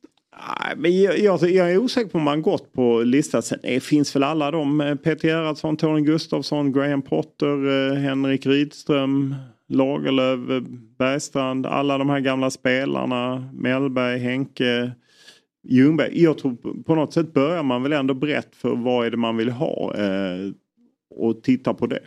Men eh, känslan är ju nu efter Janne att eh, mediahantering borde vara en större del av cirkeldiagrammet än vad det var förr. Med Fast det medier var ju jätte, ja i och för sig, fast det var ju jättestort. Jag måste ändå säga att Janne Andersson har ju varit otroligt tålig eh, lång tid. I fem år höll han. Det finns ingen förbundskapten som har pallat så länge. Eh, Hamrén höll väl i fem dagar och eh, ja. Det är lite mitt case att han var ju, för att han var bäst i Sverige på det så fixar man inte. Nej, Tre men år- fem år, men han var ju förbundskapten för länge. Ja. Eh, det sen, skulle jag ja, och sen är ju Okej. pressen Mm. tänker jag också för när man sitter, eh, alltså så här, eh, jag, jag tror att det nöter ner en i synnerhet också om man haft så tidiga framgångar som man hade. Alltså, vi gick ju till VM 18, vi skulle inte klara av att göra det. det var så här, vi hade Italien i playoff, där är det kört. Och så lyckas de så att det gick lite för bra för början och då var det halleluja Ja. och sen så när det... När liksom- när- Och sen när- gick man till EM och man vann sin Nations League-grupp. Han, han skapar ju ett ökat tryck genom framgångar. Så var det ju verkligen. Att, att, och då blir det mycket svårare att, att möta det. Sen vi som bevakar landslaget, vi blir bara färre och färre. Alltså, och kommer nog bli ännu... Jag menar, när Sverige möter Estland, vet ni, vilken, vet ni hur många representanter svenska morgontidningar har? Det är ändå liksom, det är en svenska, en sydsvensk, Göteborgsposten, alla lokaltidningar. Vet ni hur många representanter de har på plats när Sverige möter Estland? Det är ändå tidig match, de kan få hem grejer till sin upplaga. Fem. Är det en? Ja, det är en och det är Henrik Sköld på TT. Eh, det vill Duktig säga, mot alla. det vill säga det är Dagens Nyheter, denna gigantiska tidning. De har inte ens en krönikör på plats. Alltså det säger ändå lite. Jag tror inte ens de var på alla träningar inför matchen. Det säger ändå lite. Jag säger inte att de prioriterar fel. Jag bara konstaterar att för de som jobbar med den här frågan på förbundet så kommer media, det blir mindre på ett sätt. Samtidigt så är det här med social, sociala medier att man ser när förbundet för veckan la ut grattis på 61-årsdagen på Jan Andersson. Det bara rasar in folk att han ska avgå. Samma nu när de lägger ut den här om att han slutar. Då är det också folk bara som firar. Varför, varför öppnar man ens kommentarsfältet för det? Alltså den här, eh, och sen så den här äckliga flockmentaliteten. Alla liksom, eh, nu, eh, inte ens ett grattis kan de hålla sig för att Nej, skriva det- dumma grejer. Då känner jag också, var är den som modererar? Nej men man en ska inte ens liksom- öppna kommentarsfältet och ge folk möjlighet att skriva om nu inte folk klarar av det. Och det måste ju vara jobbigt som, för jag tror att man nås av det på ett eller annat sätt. Jag, det, och det nöter ner en och till slut blir du väldigt ensam i din roll. Eller det är väl Janne och Peter Wettergren och... Fast ändå han som frontar. Ja, ja precis. det är- Men han har ändå ja, några ja, ja. nära sig att bolla. Men då blir det väl också att man hamnar där i att fan alla andra är idioter. Mm. Eh, Ser de inte hur mycket skador vi har eller så. Ah, det måste, så att eh, det är slitsamt. Vem tycker du ska ta över? Nej men jag har ju sagt det tidigare, Jonas Tern. Ja, det är Jonas Tern är mitt namn Men han är ju för inaktiv, han jobbar ju inte. Ja visst det. Vadå? Han jobbar ju visst Han är väl inte involverad i Värnamo? Ja, Jo, visst det. som scout är han nu. Och han jobbar med deras ungdomar. Men det är skitsamma. Nej okej. nej. Nej, men han, han kan ju inte leda den då. Du måste göra, han har ju inte rätt utbildning. Och då säger jag så här, han och. Wettergren till exempel. Ja, ja, eller jag hade gärna sett honom och Mellberg eller honom och Henrik Larsson. Jag hade gillat, det är inte den mediala Nej men delen. tänkte, tänkte ja. Nej, nej, men jag tror att de hade skapat någonting intressant. Jag tror att Jonas Tern hade varit rätt att jobba med denna generation av spelare. Eh, han var ändå med och tog upp Värnamo. Sen har det blivit andra tränare, absolut. Men han har ändå varit med där. Han har gjort det två gånger med Värnamo och tagit fram massa spelare. ja, han måste utnyttjas av svensk fotboll. Mm. Det jag tycker förbundet ska ta, alltså verkligen analysera nu är ju just som man kan ta med sig från Jan Anderssons tid. Det är ju när han tillträdde så hade han en mer ålderstigen trupp som han var väldigt framgångsrik med. Sen blev det ett generationsskifte och den truppen han haft fler stjärnor i och bättre spelare, då har det gått sämre. Mm. Att här, nu när man tittar på, vi säger Hamrén, Janne satt båda sju år. Nästa förbundskapten, rimligt att en förbundskapten sitter sju år. Titta vad truppen är nu och åldersspannet är på våra tongivande spelare, alltså stommen av landslaget. Hur länge kommer de tillhöra stommen av landslaget? Vad kommer efter? Givetvis är det svårt att spekulera liksom, vilka kommer vara upcoming, vilka kommer vara våra stöttespelare om 5-6 år. Men att man någonstans har det i beakt att så här, kollar du för Janne, ju bättre spel han hade under det här generationsskiftet efter EM 2021 så gick det sämre trots att han hade bättre spelare. Ja, fast jag måste ändå invika att han har inga försvarare. Han har inga, och- och han har inga försvarare Kolla liksom, jag menar Linus Wahlqvist, jag vill inte kritisera honom. Nej. Men han, alltså, han har inga försvar. Finns ju inga backar ju. Jag menar mittbacksrollen har ju varit, eh, de har bara snurrat. spelat, spelat Manchester United och spelat... Ja men det spelar väl ingen roll. Det har inte hjälpt. Han löpte ju inte hem på 2-0 målet borta mot Nej, och där är det intressant, där är ju, där är, ju- där är ju problemet, det tycker jag är framförallt för offensiva spelare. Att så här, eh, det var helt olika spelartyper och karaktärer som Janne var framgångsrik med. Ja. Och där tror jag att vi behöver en förbundskapten som är bättre på att jobba med de här individerna. Alltså lite mer, i- jag menar när Sverige alltid varit mest, mest framgångsrikt när vi har haft ett lag, ett starkt kollektiv. Nu har vi mer individer. Hur kan vi få dem att prestera tillsammans? Hur kan vi få Dejan att ta det där hemjobbet? Eh, Eller in- inte göra det där bolltappet. Hur kan vi få Emil Forsberg Alltså till jag, ja, men, men så här, jag, jag håller med om att vi är jätteduktiga framåt men jag vidhåller vårt stora problem. Det är att vi får fram för dåliga centrala mittfältare och Ja, centrala mittfältare är Och- mer benägna att än mittbackar. Fast Och där om finns vi- om Hugo Larsson tycker jag. Ja som- men ja, nu finns det men om Ja. man säger liksom så Ja. Jämför med när, när vi var som bäst. Eller Men jag när ser ingen bra. Hugo Larsson i, i backlinjen. Nej. Jag ser ingen, jag menar varför kallar man in Martin Olsson som alla hetsar upp sig över? Ja man kunde kanske Mm. kallat in Niklas Hult. Känns det mer framtid? Nej det gör det inte. Alltså det, för mig är det stora problemet att vi har, tar inte fram några försvar. Och det är ju inte svensk Fast- fotboll. Det är ju samma i Norge. Det är ju samma. Ståle Stålbacken säger ju samma sak. Jag menar kolla han har Ödegard och Haaland. Mm. Men de har, vad har de i backlinjen? Nej men samtidigt så, så här Mikael Lustig. Är han så mycket i- bättre i- än... Ja det är han. Ja, för han var bättre på att, han var bättre på att ehm, Nej, för att han spelade varje vecka i Celtic när han var borta och andra klubbar. Mm. Han spelade fotboll. Om du kollar på de som är liksom spel, är de ens ordinarie? Vilka klubbar spelar de i? Ja, jag tycker att han var helt okej ytterback för ett landslag. Ja, jag håller med. Jag- jag inga tyckte han var jättebra. Men du har väl vi inte de spelarna Vi har ju inte dem idag. Vilka är det vi har? Vilka är de som är Mikael Lustig idag? Men, men kan man friskriva Nej, Janne? det, det är det jag menar. Och då behöver vi, det är ett, det annat spelsätt. Det, Ja, men det vi har behövs en inga annan typ av ledarskap. Ja, ja men Ja. vi har inga försvarare idag. Men jag tror ändå att problemet är att vi inte har några försvar. Men var inte att, att, eh, att Lustig spelade i Celtic varje vecka. Var inte det under, alltså för att han kommer från en skola där man, där man var tvungen att spela för ett klubblag för att få bli uttagen i landslaget. Nu kan ju Augustinsson, han, han blir uttagen vart han än har gått och sitter på läktaren. Mm. Ja, fast det har väl Janne har väl aldrig målat in sig i det hörnet. Av, jag menar Robin Olsson har ju nästan inte stått eh, särskilt mycket under Jannes tid. Eh, eh det var i FC Köpenhamn, men han var ju först i Grekland och studsade tillbaka till FC Köpenhamn, sen gick han till Roma. Och, så att han har ju alltid, Janne har aldrig tjurat, tjudrat sig vid den principen att man måste spela.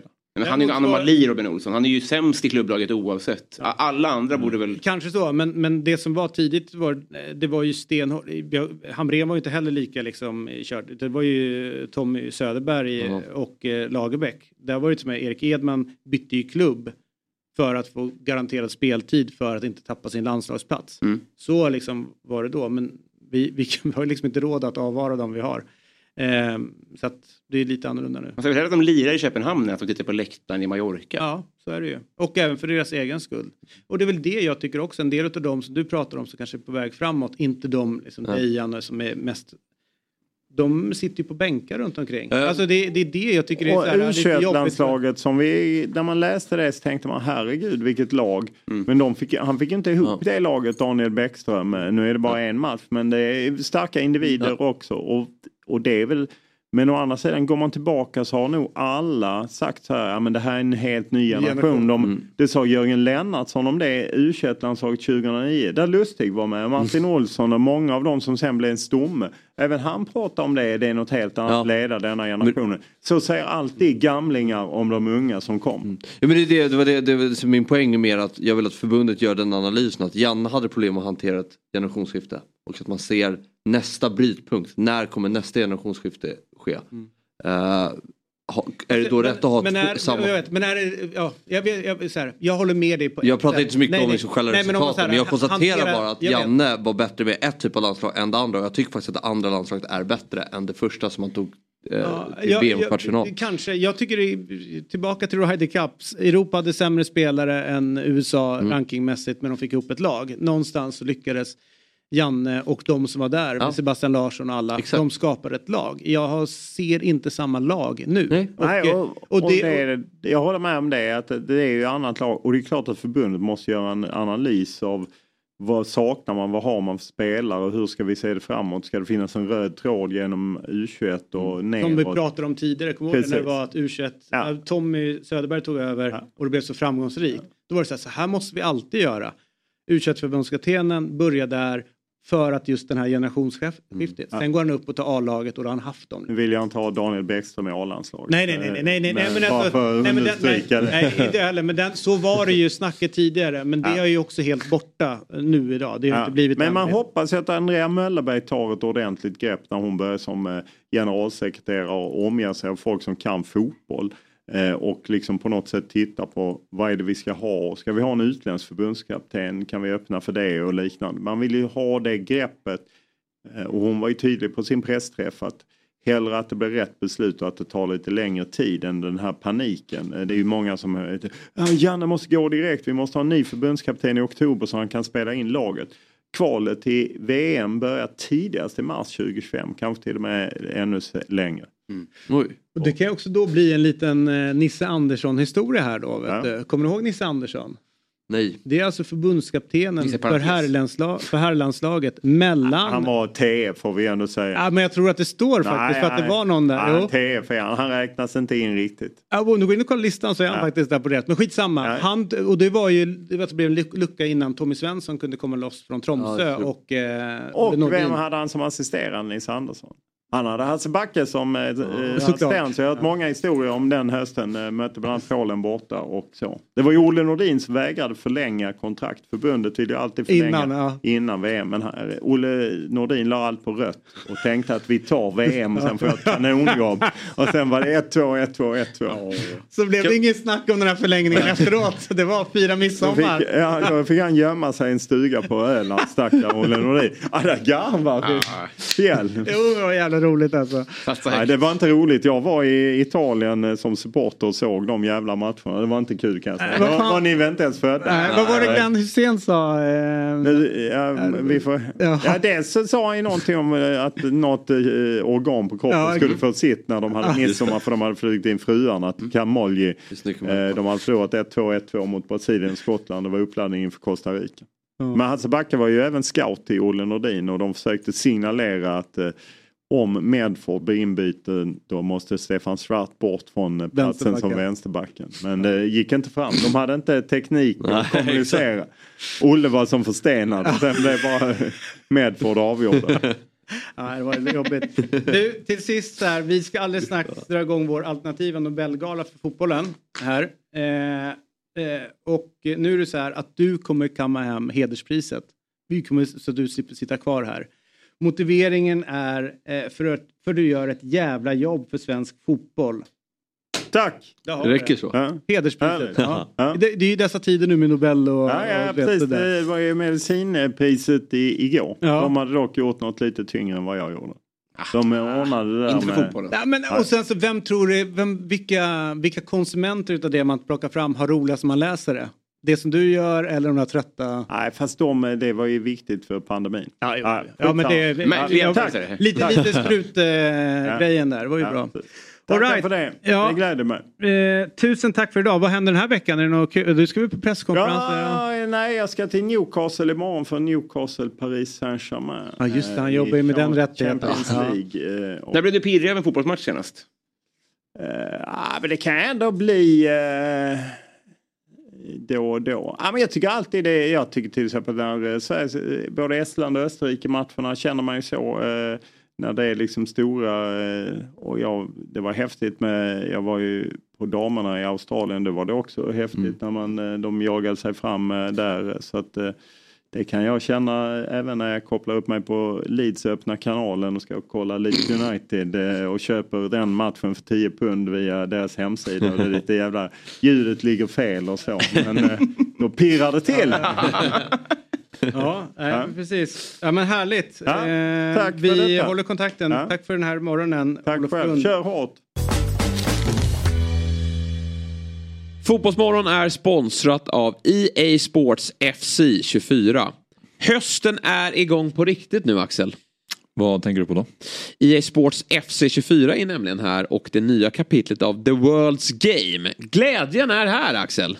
Ah, Okej, men du tänker så. Samtidigt så vet du ju ändå någonstans att dina barn kommer ju vinna mot dig i FC24 snarare än du tror. Ja, så kan det ju definitivt bli vad det lider. Men just nu är jag faktiskt vassare. Så låt mig leva på de villkoren så länge det varar. Okej, men eh, ska vi ta en match då? Vi kör AIK båda två och så möts vi på exakt samma villkor. Ja, mer än gärna. Jag som trodde att den stora glädjen redan hade kommit, men då ligger den ju framför mig. Eh, det ska bli väldigt fint att slå dig, även om det kommer bli konstigt då att tvåla dit Gnaget. Jag kan säga att jag har hunnit öva en del, redan slagit myggan till exempel och dina sparringspartners är ju inte så bra säger du, alltså dina kids. Nej, vi får se hur det blir. Det fina med EA Sports FC24 är att det har rättigheter för mer än 30 ligor. Där givetvis då allsvenskan är inkluderad. Eh, så finns även eh, Premier League, eh, Serie A, La Liga, Bundesliga, Champions League och många, många fler. Mm. Allsvenskan är dock det enda som betyder någonting för mig Jesper. Ja, vi kanske ska se till att mötas med några eh, Champions League-lag också. City mot Real Madrid kanske. Mm. Ja, vi säger så och vi säger tack till EA Sports FC som är och sponsrar Fotbollsmorgon. Ny säsong av Robinson på TV4 Play. Hetta, storm, hunger. Det har hela tiden varit en kamp. Nu är det blod och tårar. Fan händer just nu. Det. är Detta är inte okej. Robinson 2024, nu fucking kör vi! Streama söndag på TV4 Play. Ett poddtips från Podplay. I podden Något Kaiko garanterar östgötarna Brutti och jag, Davva, dig en stor dos skratt. Där följer jag pladask för köttätandet igen. Man är lite som en jävla vampyr. Man har fått lite blodsmak och då måste man ha mer. Udda spaningar, fängslande anekdoter och en och annan arg rant. Jag måste ha mitt kaffe på morgonen för annars är jag ingen trevlig människa. Då är du ingen trevlig människa, punkt. Något Kaiko, hör du på podplay. Därför är gardinerna. Då är vi tillbaka i Fotbollsmorgon. David Fjell heter jag. Robin Berglund är Mm, här. mm. Fabian Ahlstrand är här. Och Kakan Hermansson är här. Du har tävlat i På spåret. Eh, Fick du Lundensiska där? Ja. Var det hemskt? Johan Kücükaslan och hans eh, syster Jennifer Ah. Kücükaslan ska vara med På spåret. Jävla kul. Fick ni frågan i år? Om man inte frågade. Nej, alltså vet du hur jag blev, kom till i På spåret? Jag och Hanna Hellquist var fulla på en... eh, Vi hade så här, alltså det här är skitlänge sedan. Vi hade typ en sittning med morgonpasset, en valborg.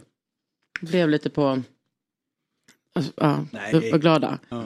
Och vi, jag och Hanna bara, varför får inte vi vara med På spåret? Jävla kvinnohat. Alltså drog det kortet alltid. Ringer till SVTs växel och bara, koppla mig till den som producerar På spåret. Och han bara, okej. Alltså på Valborg också. Jag bara, hallå! Så var det han som. Jag bara, hej, det är Ja, Kakan Hermansson. Något sånt. Ja, jag bara, varför får inte vi vara med? Han bara, åh gud. Liksom. Ja, alltså vi har tänkt på er. Ja, men ni får komma hit och provs... Ja, ni får... Ja, vi, ni, Bra att han står på sig. Ja. Bra tryck i Ehm, han vågar ju liksom inte säga nej. nej men han bara, ja, men vi har faktiskt tänkt på er. Och, och, och då var vi där och provspela. Men eh, då var väl kanske jag och Hanna förlikade någonting. Och hon är ju Sveriges mest allmänbildade människa. Mm. Och det är, inte jag. Nej. Men du är Va? kanske lite roligare. Eh, eh, nej, hon är ju... Nej, men, då, det, ja. men sen så var jag min, jag och min pappa var med istället. Ja, och hon var ju med med Ina. Så Ja. allt, ja. Du, eh, MFF spöade BP igår. Var du nöjd med matchen? Ehm, ja, ja, första halvlek var ju, tyckte jag var kul. Men också bara, alltså, bara hur kan man släppa, alltså hur kan man vara så dålig i försvaret om man släpper in det där BP-målet? Men den gillar du inte? Nej, men, alltså det är klart, om man står still i försvaret, det är klart att de gör mål. Ja, det är lätt. Alltså det... Du låter precis som MFF, MFF-arna runt omkring mig igår på stället. Vi satt ute på Retro på eh, Kungsholmen där Mm. MFF-arna samlas. Satan vilken dålig stämning det var under andra halvlek. Mm. Ja det var det. För helvete! Ta bollen! Vet, man skriker sig in i helvete. Jag bara, det är inte synd om er.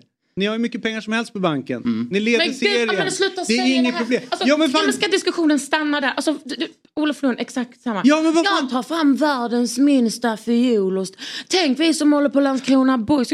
Alltså, Ja, men det är det som är grejen. Ni sitter i en jävla drömvärld varje Ja, men så vecka. kan man ju inte tänka, Ja, men det är ju tänka så. under 90 minuter. Nej, men det är ja, men, så. Ja, men ja, men ta det lugnt här, vi har 800 miljoner på banken så kan man ju inte säga... Men miljoner. De leder serien. Jo, Har du jag vet, men det, det, det kan du ju inte tänka liksom, i stunden Jo, när man måste- Paali slår bort en passning. Nej, det är inte man så, måste så, ha respekt så för- rationell är inte fotbollssupportrar. Man måste ha respekt för oss som är men värdelösa. Ja, men vadå? Man måste ju väl också, det skulle ju vara helt sjukt om vi bara så inte hade känslor. Ja, vi men har ni- också Ja. känslor. Fast de är, det är inte på riktigt. Ni är för bra. Det är ungefär som Vi här, är liksom inte speciellt hur, bra. Hur, mina skramlade ägg blev inte bra den här morgonen så jag kastade dem. Och så sitter någon stackars afrikan bredvid. Jag har inte fått mat på ett halvår. Skitsamma, vi har- våra ägg är inte Vilken bra. del av Afrika pratar du om? Ja, min, min del, hela Afrika. Men... Eh, Kan inte ni skramla ägg? Va? Kan inte ni skramla ägg? vi, har, vi kanske inte har ägg, det är det jag försöker komma till. De har allt, Jo, men de uppskattar inte det de har. Men, så, fan, Men säger, vadå, I matchen... Alltså, jag säger inte att jag inte uppskattar det. Jag uppskattar det. Jag- satt liksom på The Swan i kransen. Där det bara är så, kanske ja, men, 50-plussare som liksom håller på Bayern på ett sätt, om ni vet. Ja. Och eh, kanske dricker öl där varje dag. Mm. Utan att prata om deras alkoholkonsumtion. För precis. Men jag och jag. Mm. Och min kompis Johanna som är så dödsbajen. Och liksom springer in så fem över halv och bara sätt på matchen! De bara vilken match? Bara, Ja. Och sen satt jag där och försökte liksom övertala hela det här gänget och liksom Ja de blev ändå lite glada när vi gjorde mål och Du, eh, Ja. ja. så här. Det, det, Första halvlek fick ni i alla fall. ja men då var de jättebra ju. Verkligen. Ja. Vi träffade Ta- Taha Alis pappa igår. Alltså under vilka omständigheter var det? Ja men han var där och kollade. Alltså han, han går på retro och kollar Nej, matcherna. men, inte det fint? För när Fabbe nämnde Taha Ali, du du sa bara slå bort en passning, då hörde man bara en djup välbehagssuck här borta. Alltså, kan jag, bara gråta. alltså, jag älskar honom på ett sätt Gör som det är- på riktigt? Alltså jag älskar honom. Varför det? Berätta. Men ska, jag älskar den sortens fotbollsspelare. Mm. Som är liksom tysta och gör sitt jobb. Mm. Jag säger inte att han är samma person som Vidic. Men ni vet, tysta och bara kör. In, bara, jag är blöder näsblod. Det spelar väl ingen roll, jag är väl här för att göra mitt jobb. Mm. Så han gjorde det väldigt roligt igår när det var att han ville att tiden skulle gå. Och så någon som kastar en boll till honom så bara böjer han huvudet så får han bollen på pannan och studsar den iväg. och domaren vet inte riktigt vad han ska göra det för att det tar ju lång tid. Och så ser man BP's båda tränare står liksom så här, var, varför får de inte igång spelet? De håller på och maskar. Och så är det Tali som står där. Och sen ska han ta inkastet. Vilket är liksom så här, han kan inte kasta inkast. Han ska inte göra det. Men har du tänkt på att han alltid kastar stökiga inkast? Alltså vet på, på inte direkt på kropp på någon utan så här, jag kastar längst med sidlinjen och så blir det lite svårare men då är han igång med sitt. Ja. Han kastar inkast utifrån att han ska kunna få bollen. Exakt tillbaka. Vi ska Det är det hålla. onödig analys, att du sitter och tänker på hans inkast. Ja. Är det dumt eller? Nej, men det, nej. Är det nördigt? Ja, det är nördigt. Men du ville lära dig mer om fotboll Ja, förut. precis. För vi har ju haft en Av lång... eh, För redan i somras tänkte vi så här, Kakan måste ju komma och besöka Fotbollsmorgon. Mm. Då var det lite svårt att få tag på dig tror jag. Eller hade vi kontakt? Nej, men jag är så dampig så glömmer jag svara. Jag vet inte vad det var. Jag var sjuk. Jag var sjuk hela tiden i somras. Är det sant? Mm. Jobbig sommar. Jag tror att vi har, eh, vi ska kolla lite grann på eh, vår, jag älskar ju vår konversation med Kakan. Nej. Nej men ska Ja, det här är hemskt. Det- Jag jag har inte sett Så det, här, men jag hade eh, ska bli kul att träffa er, lära känna mer. Är, är ju Jonas, sista generationen, är helt tappat med PL. Du kan ju redan allt. Jag förstår att jag ger intrycket, skoja, men har mycket att lära av er. Nerds! Var kommer fotbollsintresset ifrån? Ja, det undrar jag också. Alltså, för jag är ju gammal handbollstjej. Och alltså jag menar, Fantastisk sport. Är du ironisk? Nej. Det är många som tycker att handboll är väldigt töntigt. Nej, Och det ska jag, jag säga, nej det är inte det. Jag, är Ja, inte det är jag tycker det är en fantastisk sport. Det är ju en, det är en väldigt tuff sport, alltså fysiskt. Stenhård. Precis. Ja. Och det är det som har lagt grunden till mitt... Eh, men jag gillar liksom fysisk smärta. Nu kör jag brasiliansk jiu Jag tycker typ att det är samma, handboll och brasiliansk Mm. jiu eh, ja, men, Så jag höll på med det och där var jag riktigt nördig. vet. Alltså, du vet, jag liftade till Göteborg för att kolla en jävla RIK-match för jag bes- besatt av Frändesjö. Ja, det är inte så. Ska vi ringa upp honom? Nej, alltså, du vet att vi har gjort det en gång. Att, nej, nej, alltså en, en gång har... vad har ni i- gjort? I Gott Snack så ringer Jaha. liksom Söderholm upp Martin Frändesjö. Nej men det är ju, alltså bura in mig. Jag har gjort så, ja. Eh, så att där var jag liksom väldigt, nej men ring inte upp honom nu. Nej, jag var nej, väldigt, jag- var väldigt, Han ringer oss. jag, jag var väldigt eh, devoted Ja. eh, handbollsspelare och eh, liksom fan. Och kunde allting. Alltså jag kunde allting. Mm. Och eh, sen slutade jag med det och ja men så mina kompisar var, alltså jag har alltid gillat att kolla, alltså du vet, vad heter det, landslaget och sånt. Mm. Sen bara, de, alltså mina kompisar flyttade till Malmö och sen så, för jag är från Lund. Och sen så bara, helt plötsligt så älskade jag MFF. Kom liksom inte riktigt ihåg när det, när det började. Tycker du att ni har fina färger? Nej, B- inte? ja, men ljusblått. Himmelsblått. Ja. Det är viktigt att man säger himmelsblått. Jag vet, ja, nej, jag tycker, jag tycker att det är lite äckligt för det, det känns så höger för mig. Men vad ska man göra? Nej. Men ni har väl lite rött på den här bortatröjan? Var inte den vit och röd? Men- Den gamla i alla fall. Jag tycker inte det, alltså nej. Okej, all right. Du, Jag noterar att du kom in med en North Face-jacka. Det känns väldigt Malmö. Jag är sponsrad. fan vad mäktigt. Vad, vad tänker du nu? Nej, men det känns som att det är väldigt, äh, är inte det väldigt kopplat till? Ja men hon svarade på det. Ja. Vad tänker du på svaret? Jag kan inte ens titta med ögonen. För han gråter inombords. Ja han skulle också vilja bli Ja, sponsrad. det var blir avundsjuk tror jag. Jag noterar att du äter din bulle som en sån här remrulle. Att, Ja, men det är så mycket, alltså jag är så bakis, du fattar inte hur bakis jag är. Nej. Du var, var det segerbilen igår eller? Men du, vi har eh, lite, ett litet quiz för dig. Snabba, snabba svar. Gud, Det här är också så jävla så. Det här är verkligen varför man som tjej typ är orolig för Nej, att nej, prata nej, om nej, fotboll. nej. Det här man ska snäll- bli kollad. Nej, det är snälla grejer. Det är väldigt snälla grejer. Jag tänkte mer så jag här... men jag tror, jag tror, äh, det är ju inte vår ambition. Nej, nej. Nej. tvärtom. Mm. tvärtom. Vi, alltså så här, det här är inte... Det här Men är får du inte inte mer än hälften då ryker det. men det här är inte vanligt, det här är inte vanligt fotbollspodd. Det här är mer inkluderande. Ni är så gulliga personer. Ja. Men du, eh, eh, Zlatan, eh, han har ju lagt av med fotboll. Är han bajare eller MFF-are? Det? 100 procent.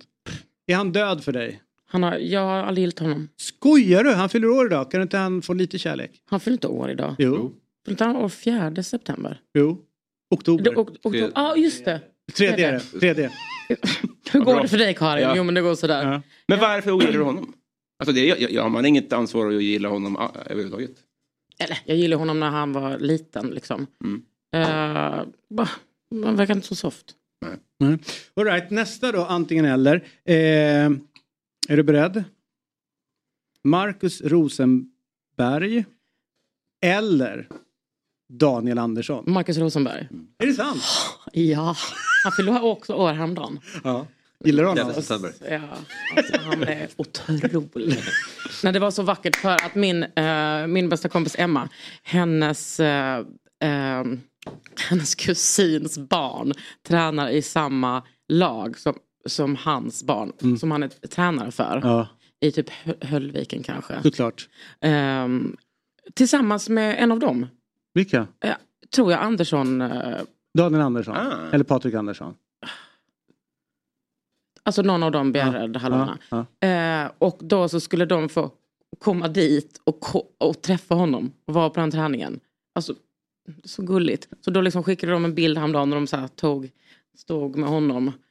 Med Marcus? Ja, Mm. det kittlar till för mammorna kan jag säga. Emma bara... Men det måste ju vara lite som alltså, om, man, om folk som vill komma nära kungahuset. Att man anmäler sitt barn. Man ser till att skaffa ett barn Ja. som är jämnårig med Estelle. Och börja med teater nu för det gillar Ja. Estelle. Alltså, så måste det vara lite Ja. i Malmö med fotbollen. Så här, börja, här är Marcus barn. Det Ja, men också man perfekt. flytta till Höllviken som är liksom ett sånt rövhål. Vad gör man inte? Ja. Komma in i Japan. Percy, Percy Nilsson tror jag bor åt det hållet också. Ja, men, ja, men, Såklart. jo. Eh, men du, det är ju som... Eh, Han när- glassbilen, eller hur? Ja, Ja. det är så jävla bra. Vadå för något? Nej, men han, glassbilen- han knivade väl däcket Ja. på en glassbil. Det Hör sig? Ja, Jag tyckte det var jobbigt med ljudet. han har ju suttit hemma på gatan och stört sig. Ja, okej. Alltså, och så när den stannade så högg han. Nej, han, han, jag tror att han bad den bara stänga av ljudet först. Jag Och fick så gjorde han inte det. Stäng av det där jävla ljudet! Han bara, nej, nej för fan. Här är det. Då gick han in, hämtade kniven och så bara...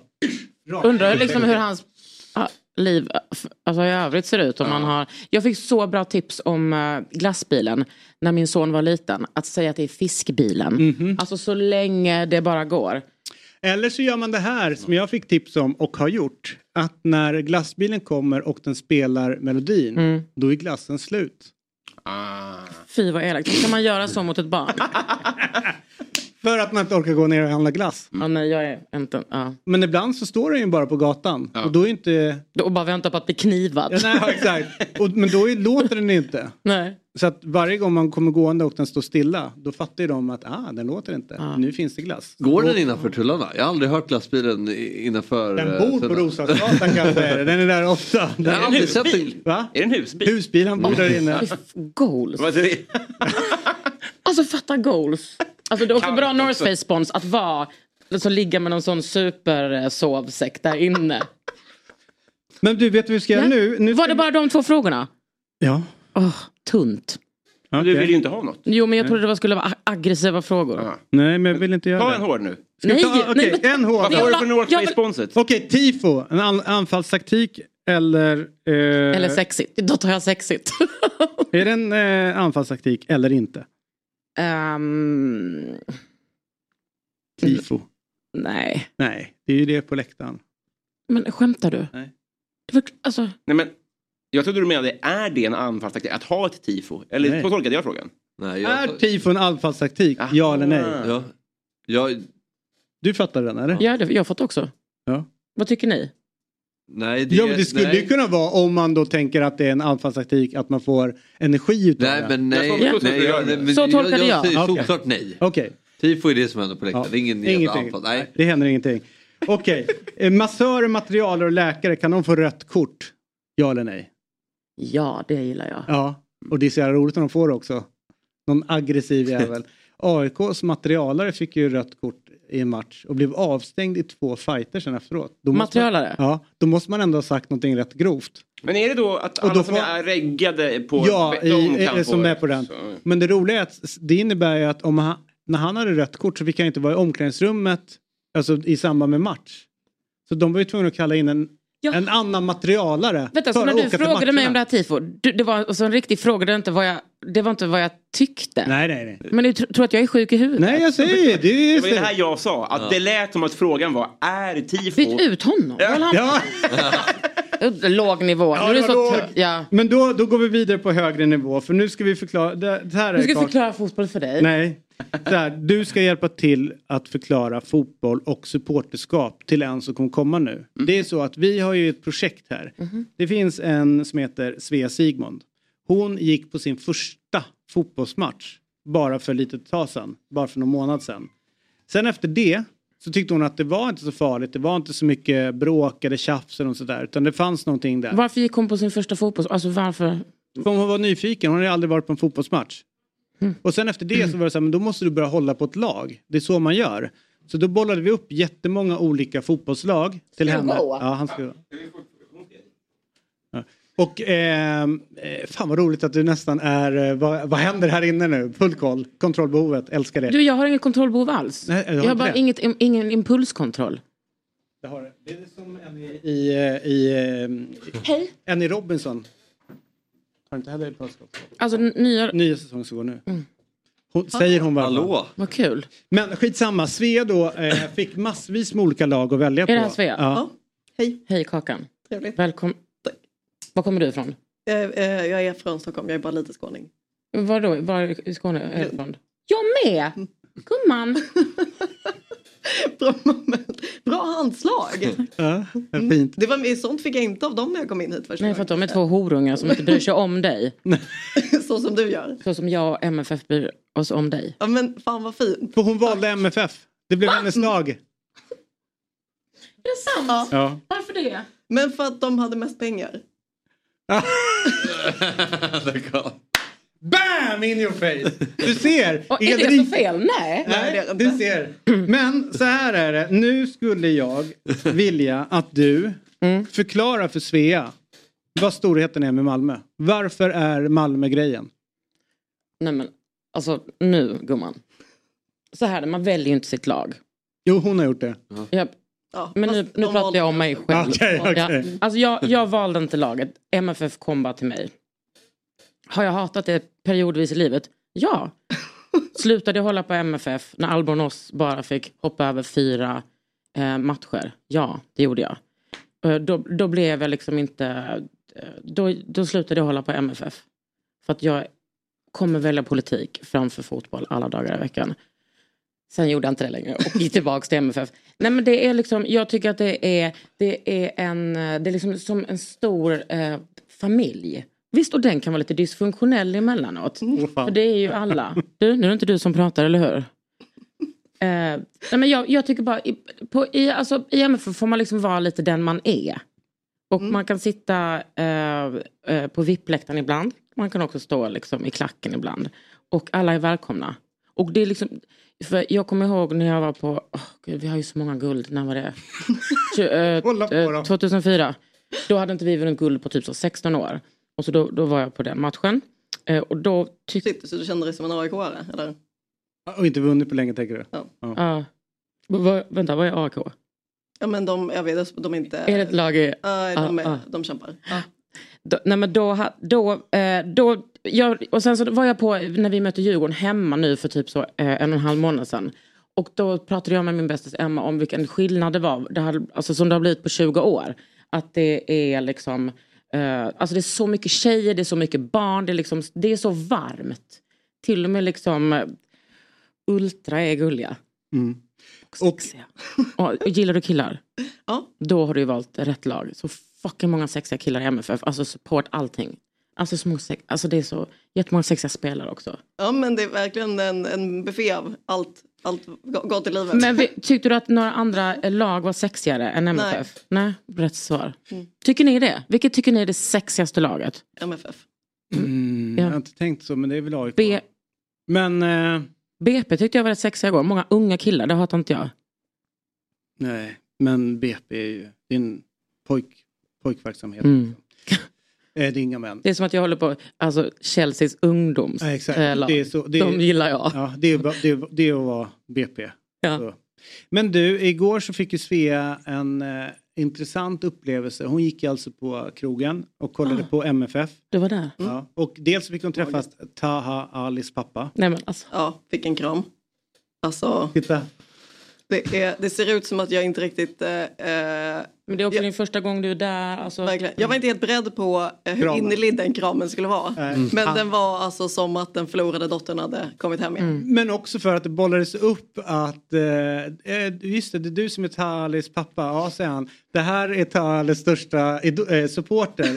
Hon, hon älskar Tali och han blev ju, han blev ju genuint glad. Ja, han, blev, vad eh, verkligen, han, han välkomnade också in mig i familjen. Ja, i alltså, MFF-familjen. Hade han och i sin familj tror jag. Han, det är så roligt, han har en annan typ av matchtröja som var lite mörk. Alltså han har inte matchtröja utan någon form av träningströja. Som är lite mörkare också, hela liksom emblemet och alltihopa. Mm. Men det känns som att du måste ha liksom en, eh, en kran inifrån. För Som att den få... här? Exakt. Eller det måste, man kan också bara beställa den. Nej. Den här har jag fått av MFF. Oj jävlar. Ja, för att. Svea, ska också få en, eh, en tröja. Vi, vi har ju Viktor som sitter där borta lovat. Men vad ska du ha för namn då? Eh, Ja men, ja, men hur vad gör man för att få sitt egna namn? Så som Ja, men då måste man bara vara... Man måste säga till dem att Ja. de skriver det. Eller ska man välja en spelare? Ja, men annars tar jag ju eh, ta, Ta det. ja. Eh, precis. Fan vad, kul, alltså, fan vad kul att du har fattat hans storhet. För det är min liksom, favorit. Är det så? Ja, men Han är vad- så... Åh, jag hade precis ett litet alltså, Mm, tal när jag började grå... började grina, Ja. ja. alltså, Men eh, du som känner honom, Tali. Mm. Du... Ja, men han är väldigt snäll, eller hur? Ja, väldigt, väldigt snabbt. men han, alltså, han utstrålar ju liksom... Alltså, jag tänker jättemycket på, så- på så. Alltså, på riktigt har jag tänkt så här. Vem kommer han gifta sig med? Har han någon fru? Kan han flytta hem hos er och du bo, bara bo där? Så att ta hand det- om honom. Ja, men typ... Alltså, nej, men jag kan tänka mig att Men visst, är det så, men, ja, men visst är det som honom att det är sällan när man sitter och kollar på en fotbollsmatch att man liksom med blotta ögat kan se att någon verkligen tycker det är kul att spela Mm. fotboll. Ja, men men med honom så är det så här att han verkligen tycker att det är roligt. Ja. Mm. När han får bollen så här, det är inte så att "Ah, fan passa bort den utan han står ju och dansar, leker nästan. Och man bara, har han någonsin varit trött undrar jag? Alltså han springer och sp- alltså han springer, helvete vad han springer. Mm. Ja, det var verkligen. Alltså det var det jag såg också. Så jävla snabb. Men känner du nu att du har liksom kommit hem? Absolut. Det, det tycker jag liksom är den viktigaste känslan. Ursäkta. När man liksom med sitt lag, att man bara, nu är jag hemma.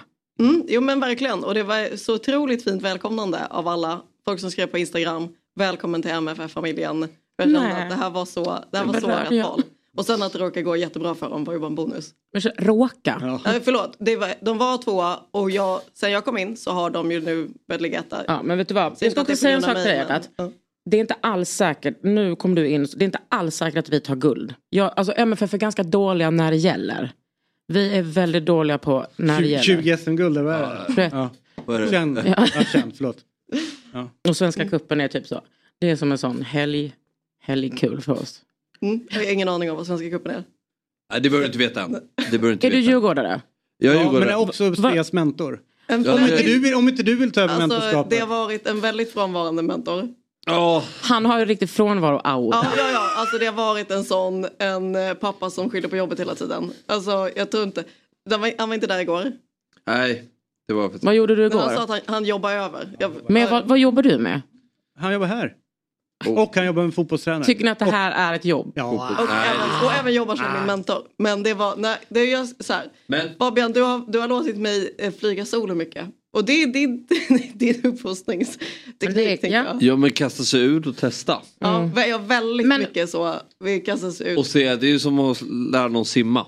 Testa själv först, drunknar någon då hjälper man. Men du har ju inte drunknat än. Nej, nej jag Tycker du- Alltså vissa skulle ändå säga runt. att välja MFF är att drunkna, tror jag. Men nästa steg är ju äh, att åka på en hemmamatch. Svea har aldrig varit på en hemmamatch. Mm. Hon har aldrig varit på Eleda stadion. Nej, det måste hon ju. Och det är ju verkligen en... Uff, alltså Då gumman, kommer- när jag var där mot alltså, Djurgården. Det var, alltså, det var så... Alltså, och det var också länge sedan jag var på en hemmamatch. Alltså, jag grät. Alltså det var så fuck... Du vet, alltså kommer in till hymnen. Alltså, nej men alltså det var så starkt. Och gud, alltså det var så jävla vackert. Ny säsong av Robinson på TV4 Play. Hetta, storm, hunger. Det har hela tiden varit en kamp. Nu är det blod och tårar. Fan händer just nu. Det. är Detta är inte okej. Robinson 2024, nu fucking kör vi! Streama söndag på TV4 Play. Ett poddtips från Podplay. I fallen jag aldrig glömmer djupdyker Hasse Aro i arbetet bakom några av Sveriges mest uppseendeväckande brottsutredningar. Går vi in med hemlig telefonavlyssning och, och då upplever vi att vi får en total förändring av hans beteende. Vad är det som händer nu? Vem är det som läcker? Och så säger han att jag är kriminell, jag har varit kriminell i hela mitt liv men att mörda ett barn, där går min gräns. Nya säsongen av Fallen jag aldrig glömmer på Podplay. Nu eh, ska vi lämna eh, MFF. Eh, Kakan, du får gärna sitta kvar om du vill, men vi ska eh, ta oss an. Det har ju varit ett litet, eh, eller eh, tragiskt nog så har ju en tidigare förbundskapten gått bort. Lars Laban Arnesson. Han var förbundskapten på hela 80-talet. Vi ska prata lite grann om, om, eh, om honom nu. Om du vill sitta kvar får Jag vill gärna det, göra för jag vill Ja. lära mig. Du vill lära dig. Och Svea sitter ju kvar också. hon ska också Eh, lära och sig. Fabian är kvar. Och vi vänder oss mot smålänningen och det finns uh, hörlurar där till båda två. Och, eh, smålänning, smålänningen och moderlejonet Thomas Ravelli. Men alltså Förutom... vänta. Alltså, tycker inte ni... Hallå? Ja. Tycker inte ni att det här är en större grej, att han är med? Jo, det, jo, och då ni bara... pres- Alltså, det här är ju helt otroligt. Ja, men vi, vi kommer till det. Ta det lugnt nu. Vi kommer. Vänta, vänta, vänta. Att jag ska behöva gå in här. Ja, ja, men vi ska, jag, ska, jag ska hålla på och uppar honom nu. Jag är inte klar. Det är så Svag. att förutom småländskt blod och ett klädmärke har Ravelli även sex SM-guld på sju år med Blåvitt och VM-brons brons med svenska landslaget.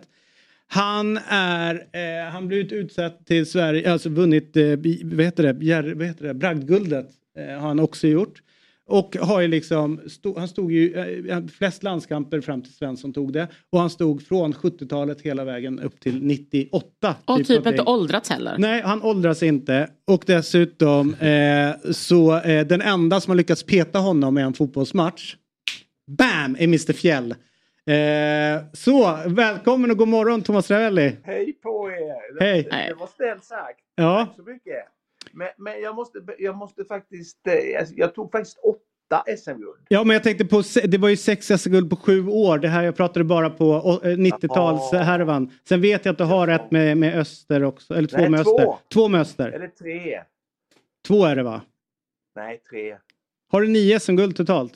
Ja, alltså, om man räknar med att jag var reserv då så känns det lite grann som jag var värd ett SM-guld också. Men det får man ju nu.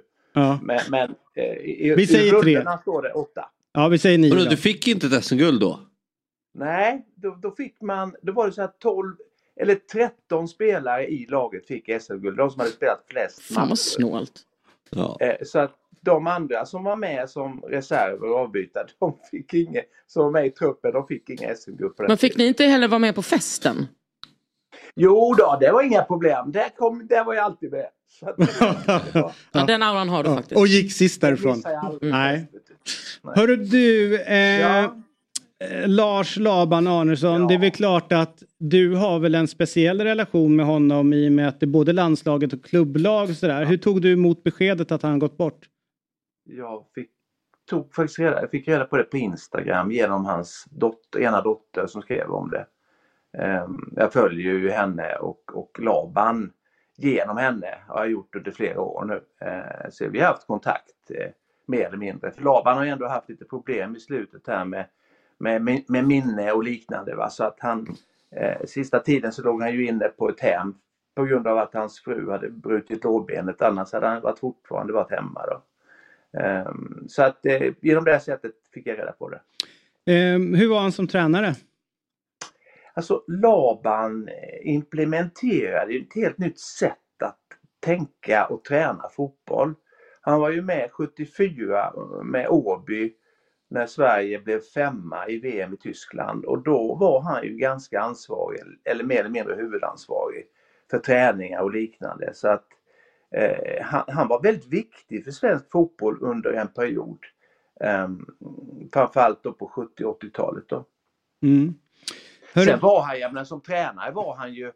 Eh, han hade ju ett otroligt temperament, han kunde bli arg fort. Eh, och sen var han ibland, alltså han var ju väldigt snäll ändå. Jag känner igen mig själv lite grann i det där också. Jag kan ju jag kan bli arg väldigt fort, eller kunde rättare sagt. Och sen är jag ju innerst inne en rätt schysst kille alltså. Mm. Ja, men det är det ju. Du, en, Ja. en, en, en, en, eh, fråga till dig då. eh, Eller vi ska göra så här. Vi ska kolla på ett klipp eh, där du och eh, Laban eh, samtalar lite grann. Så kolla på det här.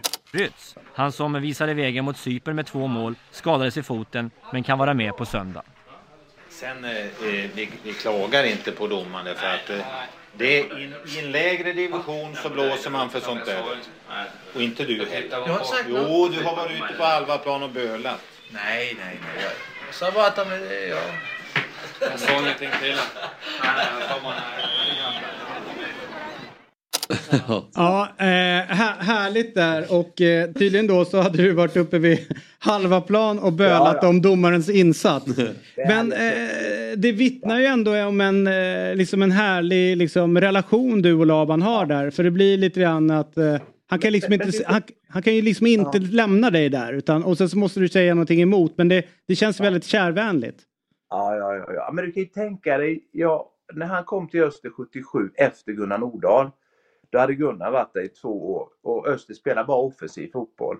Lilldamar Mattsson vann skytteligan tre år på raken med över 30 mål. Men de kunde inte spela försvarsspel. Sen kom ju Lavan och byggde upp försvarsspel, ett riktigt bra spel, vinner cupguldet 77 och SM-guld 78. Eh, men, men det roliga var ju egentligen när jag var 18 år, då tränade jag friidrott också och hoppade höjd. Och då hoppade jag 2,06 i höjd och då skulle jag då vara med i R. Ja. Det är högt. Skrattar du? Ja. Men det, är så mycket, det är så mycket siffror. Och du, Ja, ditt minne är liksom... Ja. två- 2,06 i höjd. Det var ganska bra för en 18-åring. Så skulle jag vara med i RM, riks, riksmästerskapen i Kiruna. Då sa Laban till mig, antingen satsar du på fotbollen eller friidrotten. Och då blev det ju fotbollen då. Eh, och och, och det, det roliga var under Växjötiden så spelade han ju tennis med, med, med min mor också en gång i veckan. Laban? Eh, ja, ja, ja, ja. Och, och eh, jag vet inte vem som vann där, men mamma var ju rätt duktig faktiskt. Eh, och sen var ju farsan var ju lagläkare för Österis IF också så att hela familjen hade ju kontakt med Lars så att det, det var ju en otroligt trevlig kille får jag säga. Som jag, alltså, problemet är att han fick ju inte de här framgångarna i landslaget. Eller hur? Mm. Det var ju, jag menar, det är klart att man får taggarna utåt när man hela tiden... Det första matchen han spelar i Malmö mot Ryssland på den tiden. Vi får stryk med 5-0. Då står eh, Ronny Hellström eller Janne Möller står i målet där, åt- 1980. 5-0 fick de stryk med. Hemma. Fattar ni vilket liv det blev då? Och sen hela eh, ja, 80-talet. Vi gick inte till ett slutspel. Och, och framförallt det här Mexiko-slutspelet där vi skulle ha gått. Där tyskarna... 86 ja. Ja, 85 på hösten får de ju stryk, tyskarna hemma mot Portugal. Kakan, en siffra till. De får stryk med 1-0 hemma. Men alltså vet du, jag känner att alltså, jag vill ha dig som sån, alltså som en podd. Alltså att du bara pratar. Och så vill jag bara lyssna på dig. Ja! Berätta om ditt liv, alltså berätta om allting. Ja, det är ett fantastiskt liv kan jag säga. Det är mycket historia. Och så börjar han med det. Ja, men du, Ja. eh, en Ja. fråga då innan vi släpper dig. Eh, du har ju haft eh, lite krämpor på slutet. Hur, är din, eh, hur mår du idag? Vi, vi bryr oss om dig. Ja, vad snäll du är. Du, eftersom du har petat mig en gång och på grund av det Mår han piss? Jag fick en revbensskada också på grund av Ja. dig, du vet ju. Ja, jag vet. Stämmer det att han petar dig? Ja, ja det, det är på grund av mig och det var en ful smäll. Ja, det var det. Ja. Det var bara ditt fel. Ja, jag tar på mig den. När var det? Nej, det var några år sedan. Ja, det är säkert ja, åtta, nio, nio, tio år sedan va? Ja. I Jönköping. Ja, det är Det var en som sprang in i mig på en hörna där. Du skulle egentligen ha stått den eh, halvleken men Ja. då fick jag hoppa in. Men men, hur, jag mår rätt hyfsat gör jag. Jag gjorde ju en, en, stor hjärtoperation för två år sedan där de bytte en klaff och lagade en annan klaff också. Så, nej men jag är okej. tycker Bra. Jag. Absolut. Härligt. När du är uppe och hälsar på din tvillingbror som bor i Stockholm så är du välkommen förbi in och sätta dig här imorgon. Och så kan du ta med dig honom och så kan vi ta alla stories Nej, som Kakan alltså, vill du ser mig komma till studion. Ja, ja, då är du med. Alltså jag Det bes... blir, det, Bröderna. Ravelli och Kakan. Vilken det dröm. blir bara historia blir det. Ja. Men du, för, för att, men, men, men, alltså jag får ju ändå sända en, en, en, en tanke till Labans familj och hans eh, närmaste.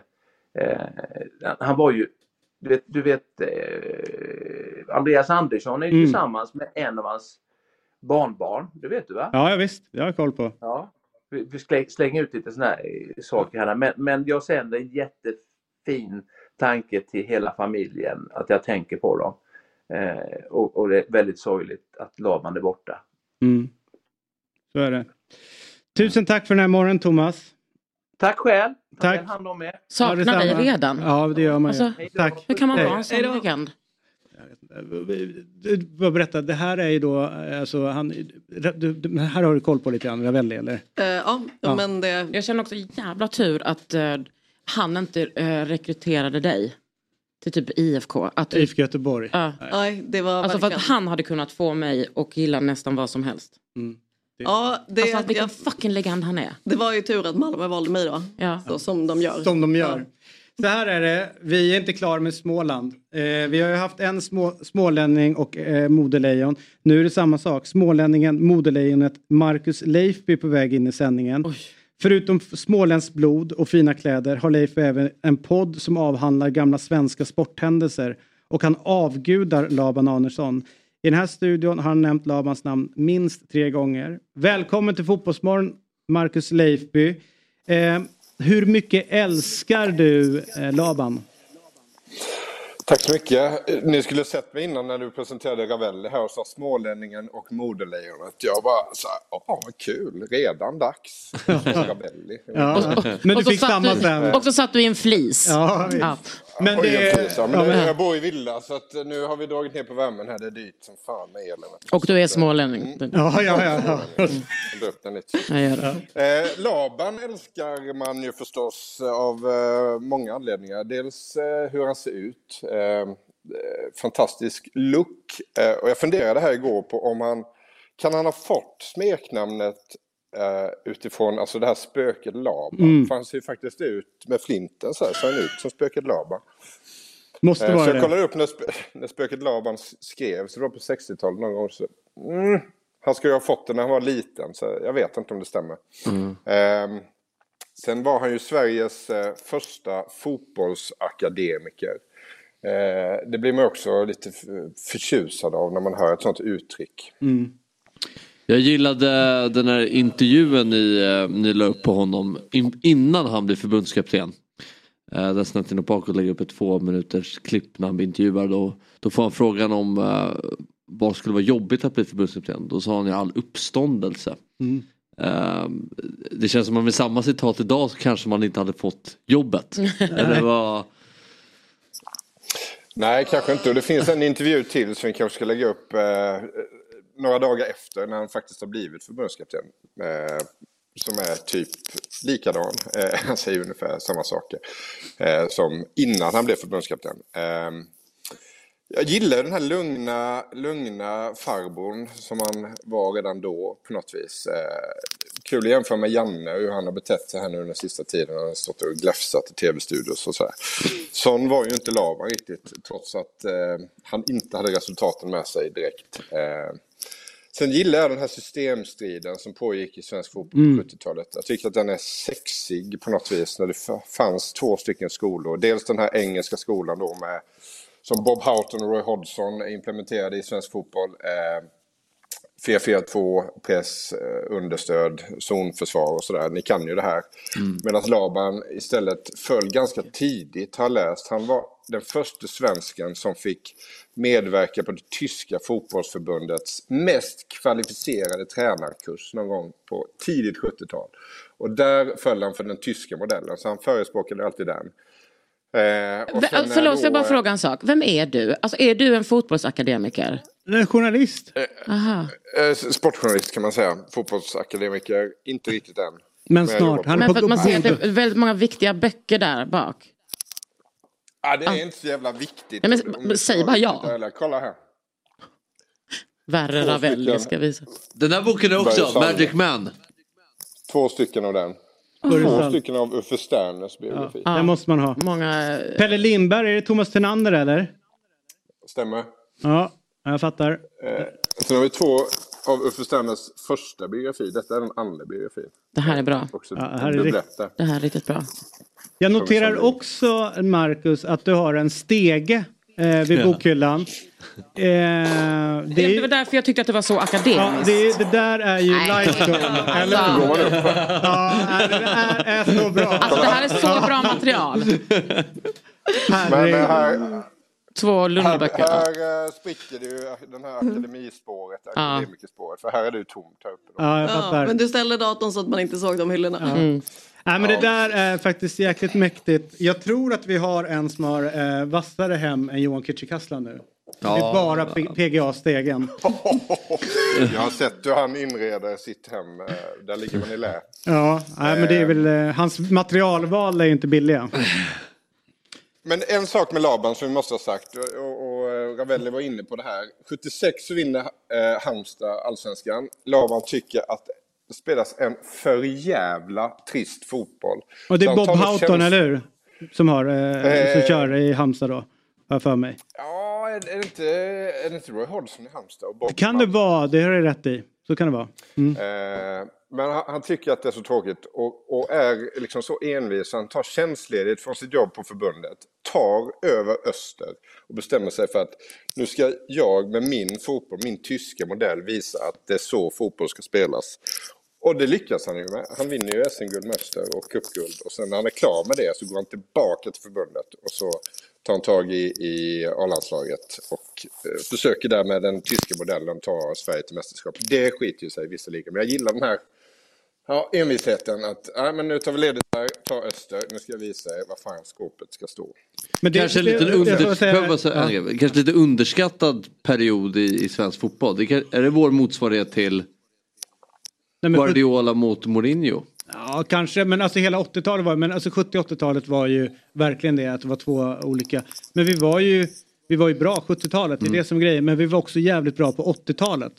Alltså Ja, klubb, klubblagsmässigt. Och det här som jag tycker är jävligt intressant för att det är eh, Tyskland förlorade inte på den här tiden och när vi förlorade den här matchen mot Portugal, om vi hade gått till Mexiko-VM, tror du att Laban hade fått ett annat eftermäle och tror du att den tyska fotbollen, alltså hade vi liksom fortsatt vara lite mer inspirerade utav den? Kanske. Eftermälet hade definitivt blivit bättre. Laban gick ju sen tillbaka till förbundet och jobbade där i många herrans år utan att någon egentligen visste om det. Eh, att han existerade. Eh, sen var det väl också så att efter påtryckningar då från vissa spelare så ändrade han ju successivt den här modellen och gick ifrån Libro och spelade lite annorlunda. Eh, Torbjörn Nilsson tackade ju nej. Han var ju bästa svenska Mm. spelaren vi hade. Han var ju bäst i Europa 82 men tackade nej till landslaget. Däremot så spelade han ju i u landslaget där Svennis var tränare. Och Svennis eh, förespråkade också 4-4-2 den här engelska modellen. Och när, när Laban fick reda på det så fick eh, Svennis sparken som u förbundskapten. Eh, Så så infekterat var det. Ehm, eh, men det hade varit kul. Eh, jag tycker han hade förtjänat det. Jag tycker han förtjänar ett mästerskap. Mm. Det är så roligt för att Bosse Pettersson det är en eh, före detta fotbollsspelare, fotbollstränare, fotbollsexpert i tv och så. Fotbollstyckare.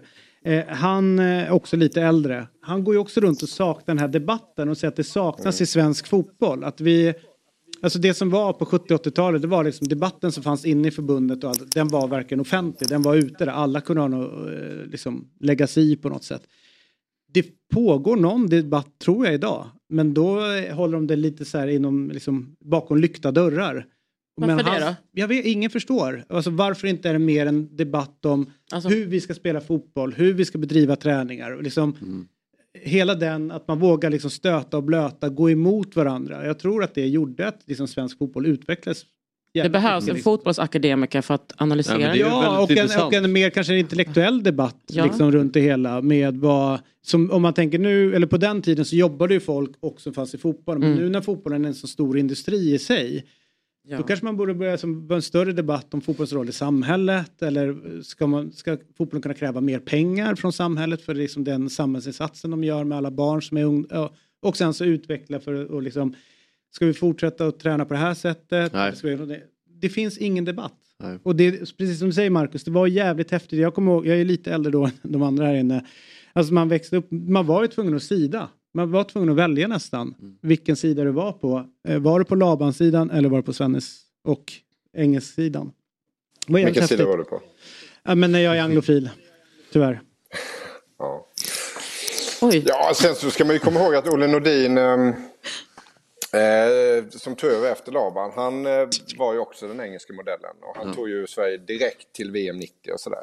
Med en, en fotboll som man, ja, inspirerades av Svennis bland annat. Och sådär. Så ja, tyvärr, tyvärr för Labans del. Eh, sen får vi absolut inte glömma instruktionsvideon som eh, vi alla som spelade Mm. fotboll på 80-talet fick titta på som heter Vän med bollen. Yes. Som, eh, som väl är till stora delar Labans arv också. Han var ju, ja, Svenska fotbollsförbundet var ju producent eller beställare eller vad man ska säga.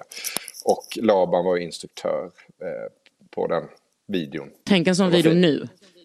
Ja, men det, Du, jag, ja, jag har den här. Ska vi kolla någon i biblioteket? ja, kolla i biblioteket. Kolla i biblioteket. Ja. Nu känns det nästan regisserat där men... Eh, Det är klart det inte är det. Nej. Ja. Otroligt.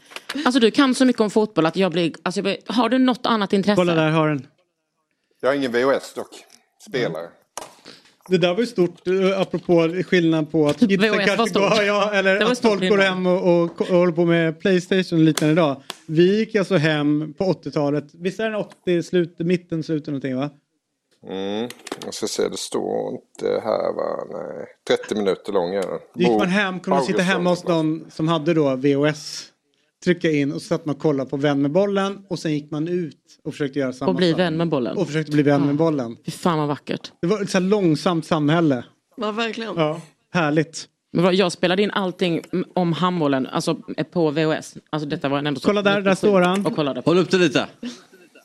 Är det, det Alltså, Ja, den där tröjan. Ja, och, och kolla Sparbanken Eken. Alltså kolla landslagsdräkten på den tiden. Det var så jävla vackert. Varför gör vi inte så här man vackra Jag idag? vill göra en snabb omröstning så här, om eh, nu när Janne ska sluta och sådär eh, äntligen. Eh, skulle vi vilja ha en förbundskapten som ser ut sådär? Ja, Jag- jag röstar för. Hundra. Ja, Men procent. det är ju inte samma sak idag. Alltså, om vi hade haft en förbundskapten som såg ut så idag så hade det ju varit alltså, en annan slags människa. Så det där, ja, Ja, förmodligen. ja, det hade inte lyst psykisk hälsa. Nej, det var häftigt. Du, innan vi släpper dig Marcus, eh, vem är din favoritförbundskapten någonsin? Oj då. Eh, bra fråga. Åby var en märklig man också, men eh, det kanske vi kan avhandla vid ett annat tillfälle. Ja, men jag, jag är ju smålänning, va? så att, eh, jag tycker att Tommy Svensson är mysig. Eh, lärare i grund och botten. Alltid jävligt solbränd och god. Mm. Eh, legat där på Mellby strand och pressat en hel sommar. Sen hade han alltid en liten sån flärp på sin flint så här, som man ville gå fram och liksom Ta bort. Rycka bort. Sådär. Eh, och VM 94 och allt sånt där. Och en trevlig eh, hyvens karl på alla sätt och vis. Så Tommy Svensson lägger jag min röst på. Mm. Han ligger ju bra till också för liksom eh, hur han, eh, ja men dels vilka han tog in, alltså Tord Grips och alla som runt omkring honom. Och sen som i boken Karin Boye som, och, och hela den Ja. sommaren. Den som ändå ligger mig närmast hjärtat är ju eh, Tommy Söderberg. För att han var ju, eh, ja men föreningsmänniska ut i fingerspetsarna. Och apropå att inte gilla media, det var ju det han sa redan när han började. Liksom, jag gillar inte det där, jag gillar inte offentligheten. Och sen var han jäkligt häftig, alltså Ja. allt det han pratade om, hur han pratade och Ja. hur han förde sig. Så det var kort eh, men bra period. Men eh, Tommy Svensson såklart. Tommy och Tommy. Ja, där har vi det. Tusen tack för den här morgonen, Marcus Leifby. Underbart att ha dig med. Ha Eh, nu, från och med nu så är fan mitt life goal stege hemma vid bokhyllan. Stege med räls. Ja, Det är räls. räls. Rälsen är viktig. Den är helt Det är det viktig. viktigaste. Härligt. Tusen tack Marcus.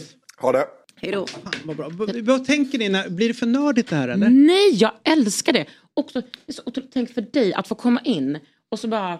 Alltså, folk säger att killar tänker på romarriket. Nej, de tänker på fotboll. Alltså, Mm. alltså, fatta vilken... Alltså, jag älskar nörderi. Det är på samma sätt som jag är så här, nördig med feminism eller liksom eh, keramik. Mm. Och då är alltså, nej, jag älskar att detta finns i era huvuden. Vid Ja, med huvudet. man, Ja, jag, alltså jag menar det säger ju sig självt. Mm. Ja, ja. Men jag, det är fantastiskt. Och jag tycker också den här podden är så avväpnande. Tack. Vad snällt sagt.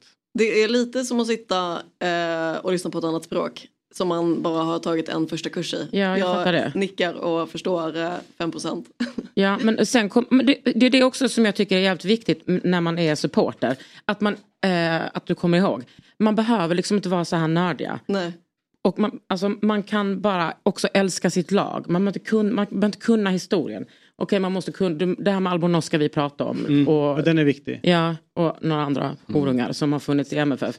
Men jag menar, all, alla lag har sin skit. Mm. Men man, man behöver liksom inte ta allt. Nej. Tack Svea. Och jag är inte bakis längre. Och eh, Otto Kakan. Viktor, tack på, till dig också. Världens bästa ålänning. Ja, tack och, till dig. vi ses imorgon. Hej då. Fotbollsmorgon presenteras i samarbete med Oddset, betting online och i butik. EA Sports, FC 24.